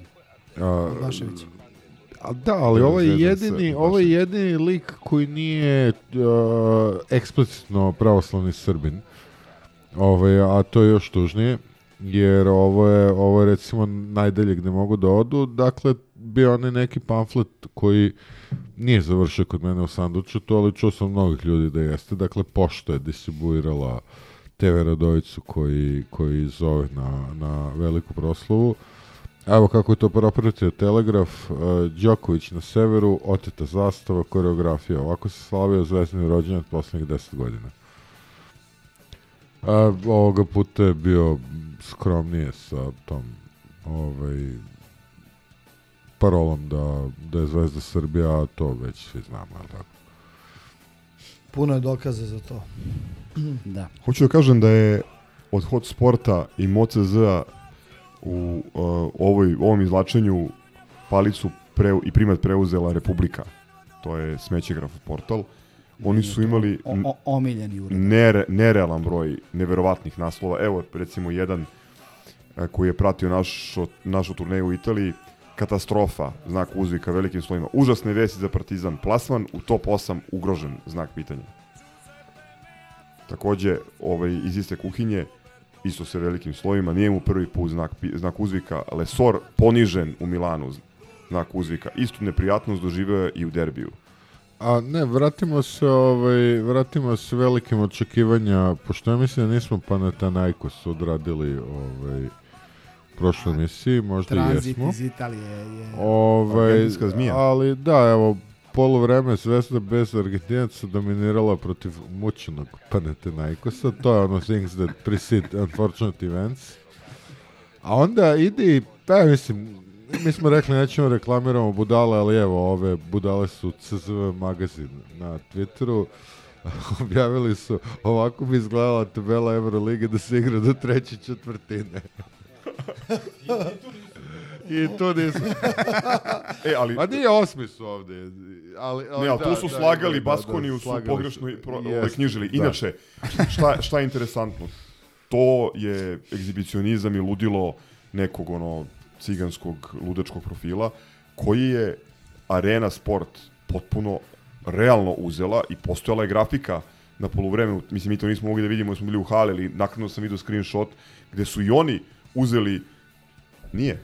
A, nije, e, ne nužno, znači e, ja sam gledao, nažalost, od kuće i uh, oni su izbacili samo posljednje četvrtine koje, koje su gubili u posljednje vreme, što jeste realno tema za Pa razgovor. dobro, ali to je na tragu o- ovog ludila. Pa samo... dobro, ali mislim da to, ne, mislim, to je činjenica je da se to dešava i mislim da je to više bilo ono kao objasnite šta se dešava u vašem dvorištu. Mi, ni, ne vidim tu lošu nameru, iskreno. E, imam, ovo smo, ovo smo ispustili, izvinjavam se, um, Srbija danas, inače ovaj, u trenutku dok smo u Italiji, fantastičan naslov, ovo, ovo je stvarno neverovatno. Ja sam mislio da je montaža. Šta će biti večeras u Milanu, znak pitanja? Igrači tukli Obradovića na jutarnjem treningu. Ha, ha, ha, da, to je genijalno. Video. Kad su mu donali tortu, verovatno, da. Ok. A, a pređimo na, na ovaj, gradsko-prigradski meč. A, Izvini, preskočio si šta se možeš za sekund kad si Vildoza. A, možda ga čak i imam. A, da, da, Luka Vildoza, sam rekao, argentinska zmija. Mislim da sam to pročitao već. Dobro, čitaj, ajde. Ne, samo sam to da kažem naslov. Šta se može za jedan sekund kad si Luka Vildoza? Da. E, onda imamo ovaj, to, ko nas prati na Twitteru veći video, oni, oni čuveni urednici su prepoznali temu. Dakle, barem osam a, portala a, tih nekih novina i kod čega je prenelo naslov, a, to je a, legenda Zadra i veliki stručnjak iz 80-ih Vlade Đurović a rekao kako je a, Lesor je zaštićen kao beli medved, srpski stručnjak bez dlake na jeziku, mogu da potpišem oplu, bla, bla, bla. I onda imate takav naslov, a, Informer, Kurir, a, Mondo, Telegraf, Espresso, Srbije danas, Novosti, Milorada Vučevića, Vučelića, a, Republika, a, Sportski net, Svi jahači apokalipsa. Šta reći, da. Dakle, uh, hashtag urednici su prepoznali temu. Samo si ljubomoran. E, samo ja tu da se ubacim, pošto kao što rekoh, nisam bio u hali i gledao sam od kuće, rekao sam, nažalost, e, dobrim delom zbog onoga što sam slušao pre i posle utakmice.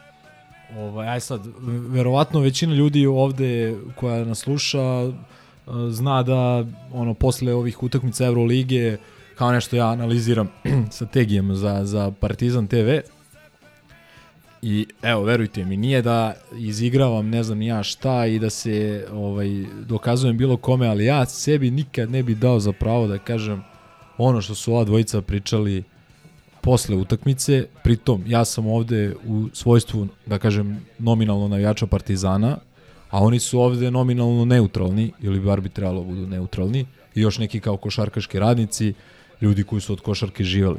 Čak samo, ko je bio? Pa- Izlapeli ovaj i... I Dragan Jakovljević. Au, da, da. Znači, to je Takozvani bilo- Bogdanov Ćale. Da, da, da.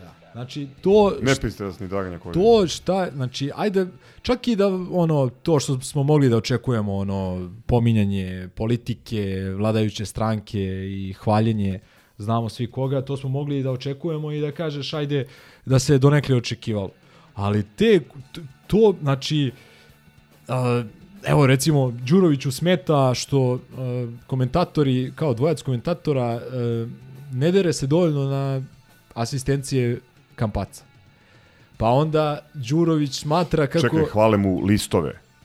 To smo mogli da čujemo u jednom prenosu. Da, ali ovde su bili kao jedan naš, jedan njihov, ono, kao Sr S Radojević i ovaj Carović, Caković, Karović, kako, kako se već pre, preziva. Onda e, sledeća stvar, e, kako se zove, e, Đuroviću, Đurović opet smatra kako Partizan nema asa, kako nema igrača kakav je bio svojevremeno Kićanović, Mo- možeš a. Zvezda to i naravno ima. Ima ih više, verovatno. Pa onda šta je tu još bilo? Znači, ljudi moji, ono, stvarno, znači, za Željka šta su, ono, kako nedopustivo da njegov igrač se ponaša kako se ponaša, za Lesora šta su pisali, pričali i tako dalje.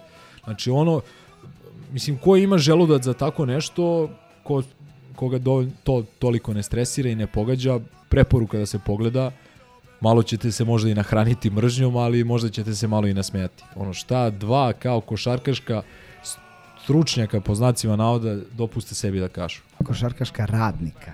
A ne tužno je kad ljudi u tim ovaj, godinama počnu da se bave prostitucijom, znaš, kada, ono, kada se više ne diže ili nestane budžeta ili ne znam šta, dozvoljavaju sebi da se spuštaju na taj nivo da, da lažu, da bezočno lažu, da lupetaju, da klevetaju, mislim, ono, jedi govna, smradino, Đuroviću, znači, nemoj da pominje Željka, znači, niste vi u istoj ligi, niti ste ikada bili, Znači, nemoj više da ga uzimaš usta, bukvalno. Bukvalno- Ne pominji Željka Obradovića, Takvi možeš ljudi da... pogotovo treba da ustanu kad spominju Željka Obradovića. I, I da ćuti. Znači, ali direktiva je očigledno takva. Znači, to, to su večiti stručnjaci sa, sa TV ekrana, uvek najpametniji, uvek imaju da daju savet, ono, možda bi moglo i malo i na Wikipediji da se vidi ako se ukuca ono, u par koraka ko je šta radio u, u toj košarci, mislim, ono, neki Jakovljević priča o tome šta bi ovaj trebao da uradi, kome treba da je zahvalan, mislim, jako smo nisko ovaj, potonuli kao nacija, toliko poltrona dupe u vlakača u jednom trenutku. Ja ne, ja ne pamtim, ali ono, znaš, ono, kao učio si nešto, gledao si nešto, pa i sigurno u istoriji ove države nije zabeleženo. Ono. Ovo, ovo je tragedija. Ja bih da se vratimo na utakmicu protiv Glibulje. Evo imam ovaj jedan od fantastičnih tekstova koji mi je najavljen, e, kako oni kažu, derbi. U pitanju je Sportal, odnosno Blitz.z Sport. E, naslov Derbi za naše ili strance. Nad naslov igrače iz 10 država na večitom derbiju. U podnaslovu, slušajte ovo, 88,7% koševa za Partizan u četiri večita derbija postigli su stranci. Eto čime se bave istinoljubivi Pa, proljubivi. čudi me da ne piše crnci, stvarno, ali ajde. E, imamo novi, kad smo kod toga, e, imamo novi opis ili novo rezervno ime za naš klub, nismo više Kamerun samo, nego i Ujedinjene nacije. Da. To je upravo u tom ovaj fantastičnom uratku kojim je kojim je analiziran broj utakmica, odnosno analiziramo gde bi, gde bi komšinica bila da je A verujem da, da se ne računa četvrt, četvrtina sve utakmice. to proisteklo iz činjenice da to što su nas pozdravili kamerunci je oberučke prihvaćeno sa naše strane i sa zastavama i sa sprdnjom na tu temu. Pa ništa, sad samo plave šlemove da krenu da nosi ljudi na utakmici. Pa nije nemoguće. Biće, biće, biće, nadam se i toga. Ovaj. Ovo- Malo smo se udali, udaljili od Pa ove, evo, ja bi nastavio od, sa- od ove glavne teme. ve- Zato što večernji- pratimo Motlija sa instalacijom na glavi. Ve- e, i- a ja ću da nastavim e, večernje novosti. Oglasio se Matijas Lesor, centar Partizana kao francuska sobarica. Znači, Novosti koje važe Novosti, za... tako je, Novosti... tako je, tako a, Za Partizanovo glasilo. Da, da, da, novosti a, Milorada Vučevića. Da, onda da napravimo uvod u onu situaciju na kraju. Usporedni snimak početka, pa po znacima navoda sukoba Lesora i Petruševa. Zvezdin košarkaš ga nije prvi udario, naravno sa snimkom samo iz jednog ugla. I onda objašnjenjem kako je ovaj, mislim, nemam živce ni da čitam.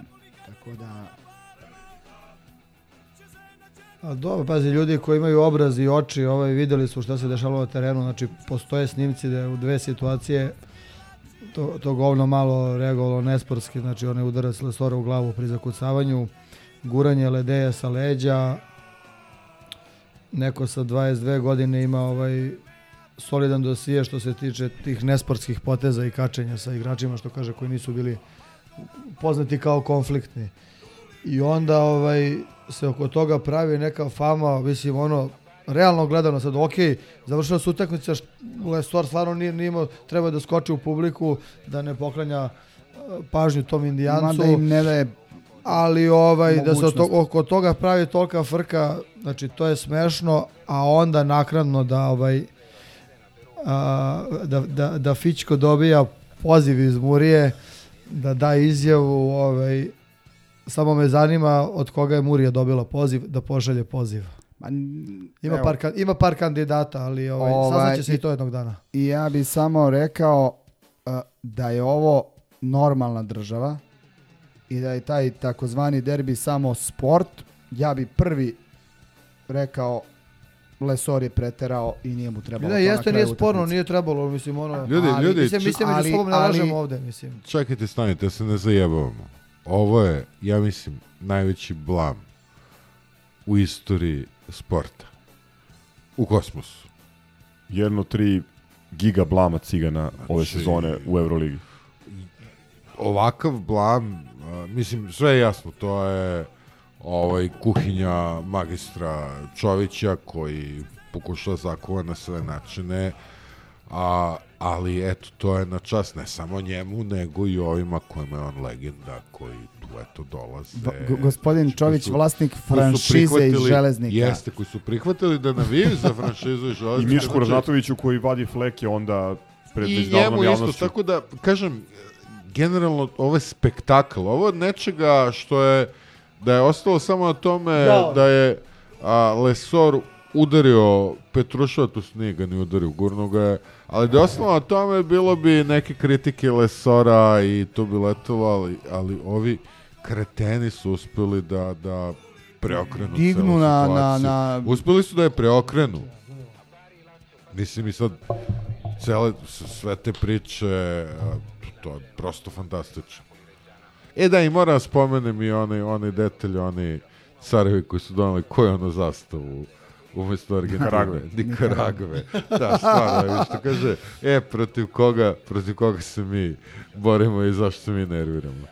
Samo ću jednu stvar da kažem u vezi celog slučaja, to da je očigledno namera bila da se pokrije jedan debakl rezultatski gde ti od prednosti ovih 20 pojena dođeš do ubeljivog poraza i drugo da se pokrije da se pokriju uh, očigledno neuspešna ulaganja koje država ovaj Kapitalna ulaganja. kapitalna ulaganja da u, u taj neću kažem klub pošto klub ispo, mislim sportski projekat nisu svakako.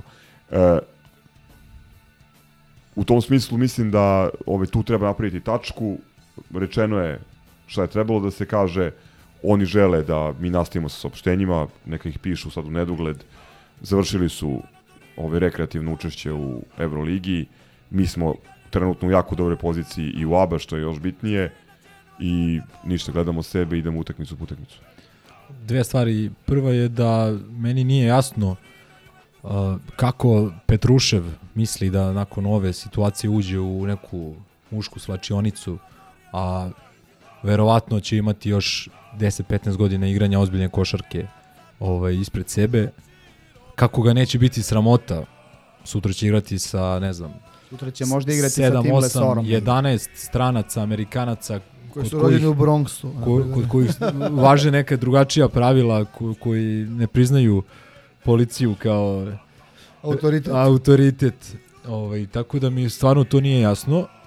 Ovaj, Miško je pokušao da ga opere i mislim da je Miško iskreno rekao šta se dešava, a iz toga zaključite ko je prijavio incident zbog koga je Petrušev i pozvan.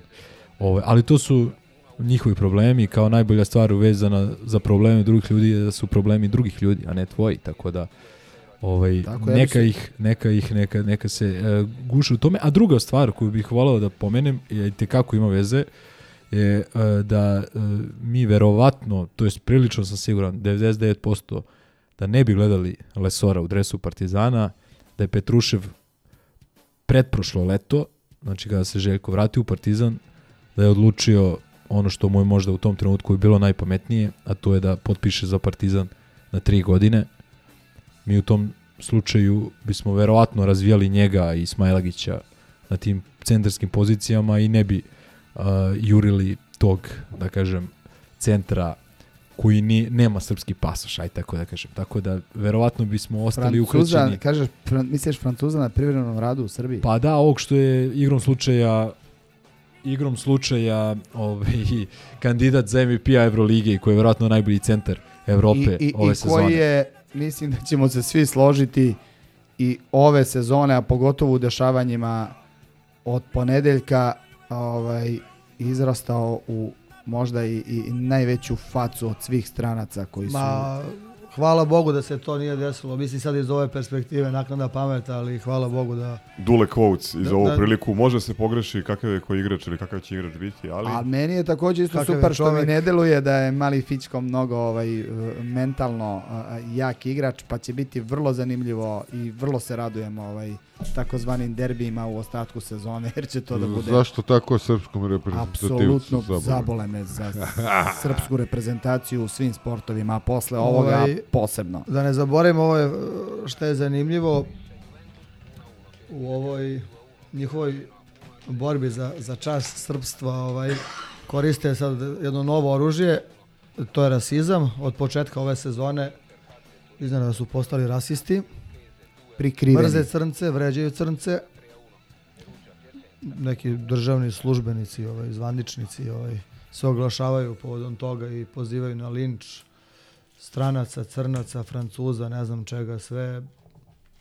Moram kažem, jedna od boljih snimaka iz Milana je oni naši koji negdje kod doma na trgu nalete na kamerom koji onda pevaju. Verujem da će ovim uh, igračima koji igraju u železniku ovaj, tamnoputim biti ovaj, jako drago ako, ako negde nabasaju na te vesti ili im neko, neko prevede.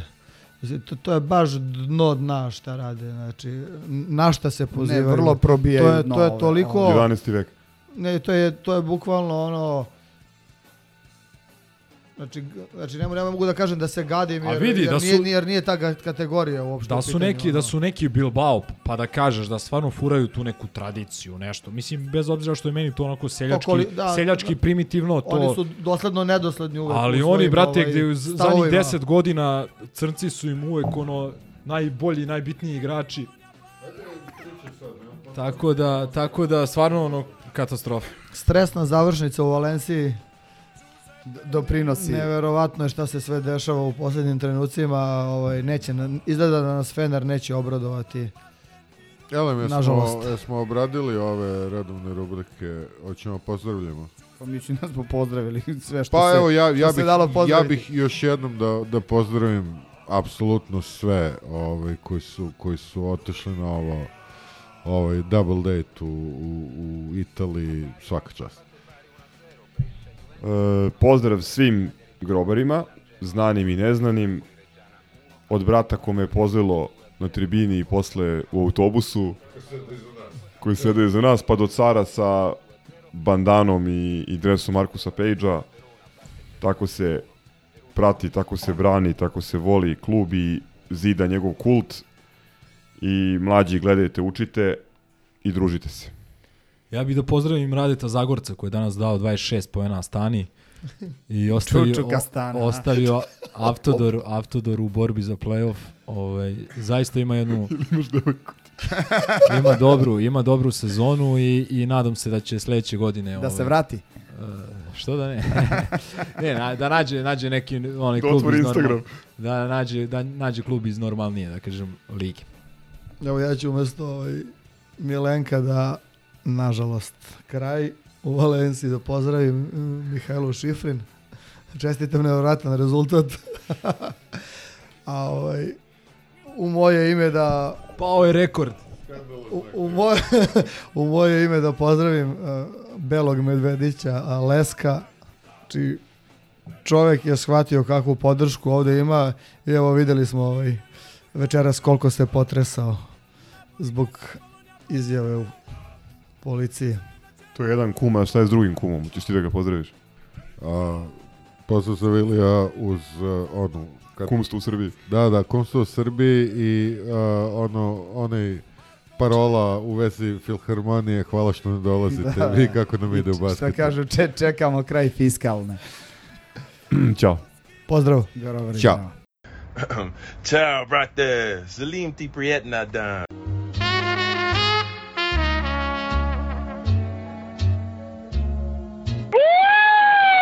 Bye.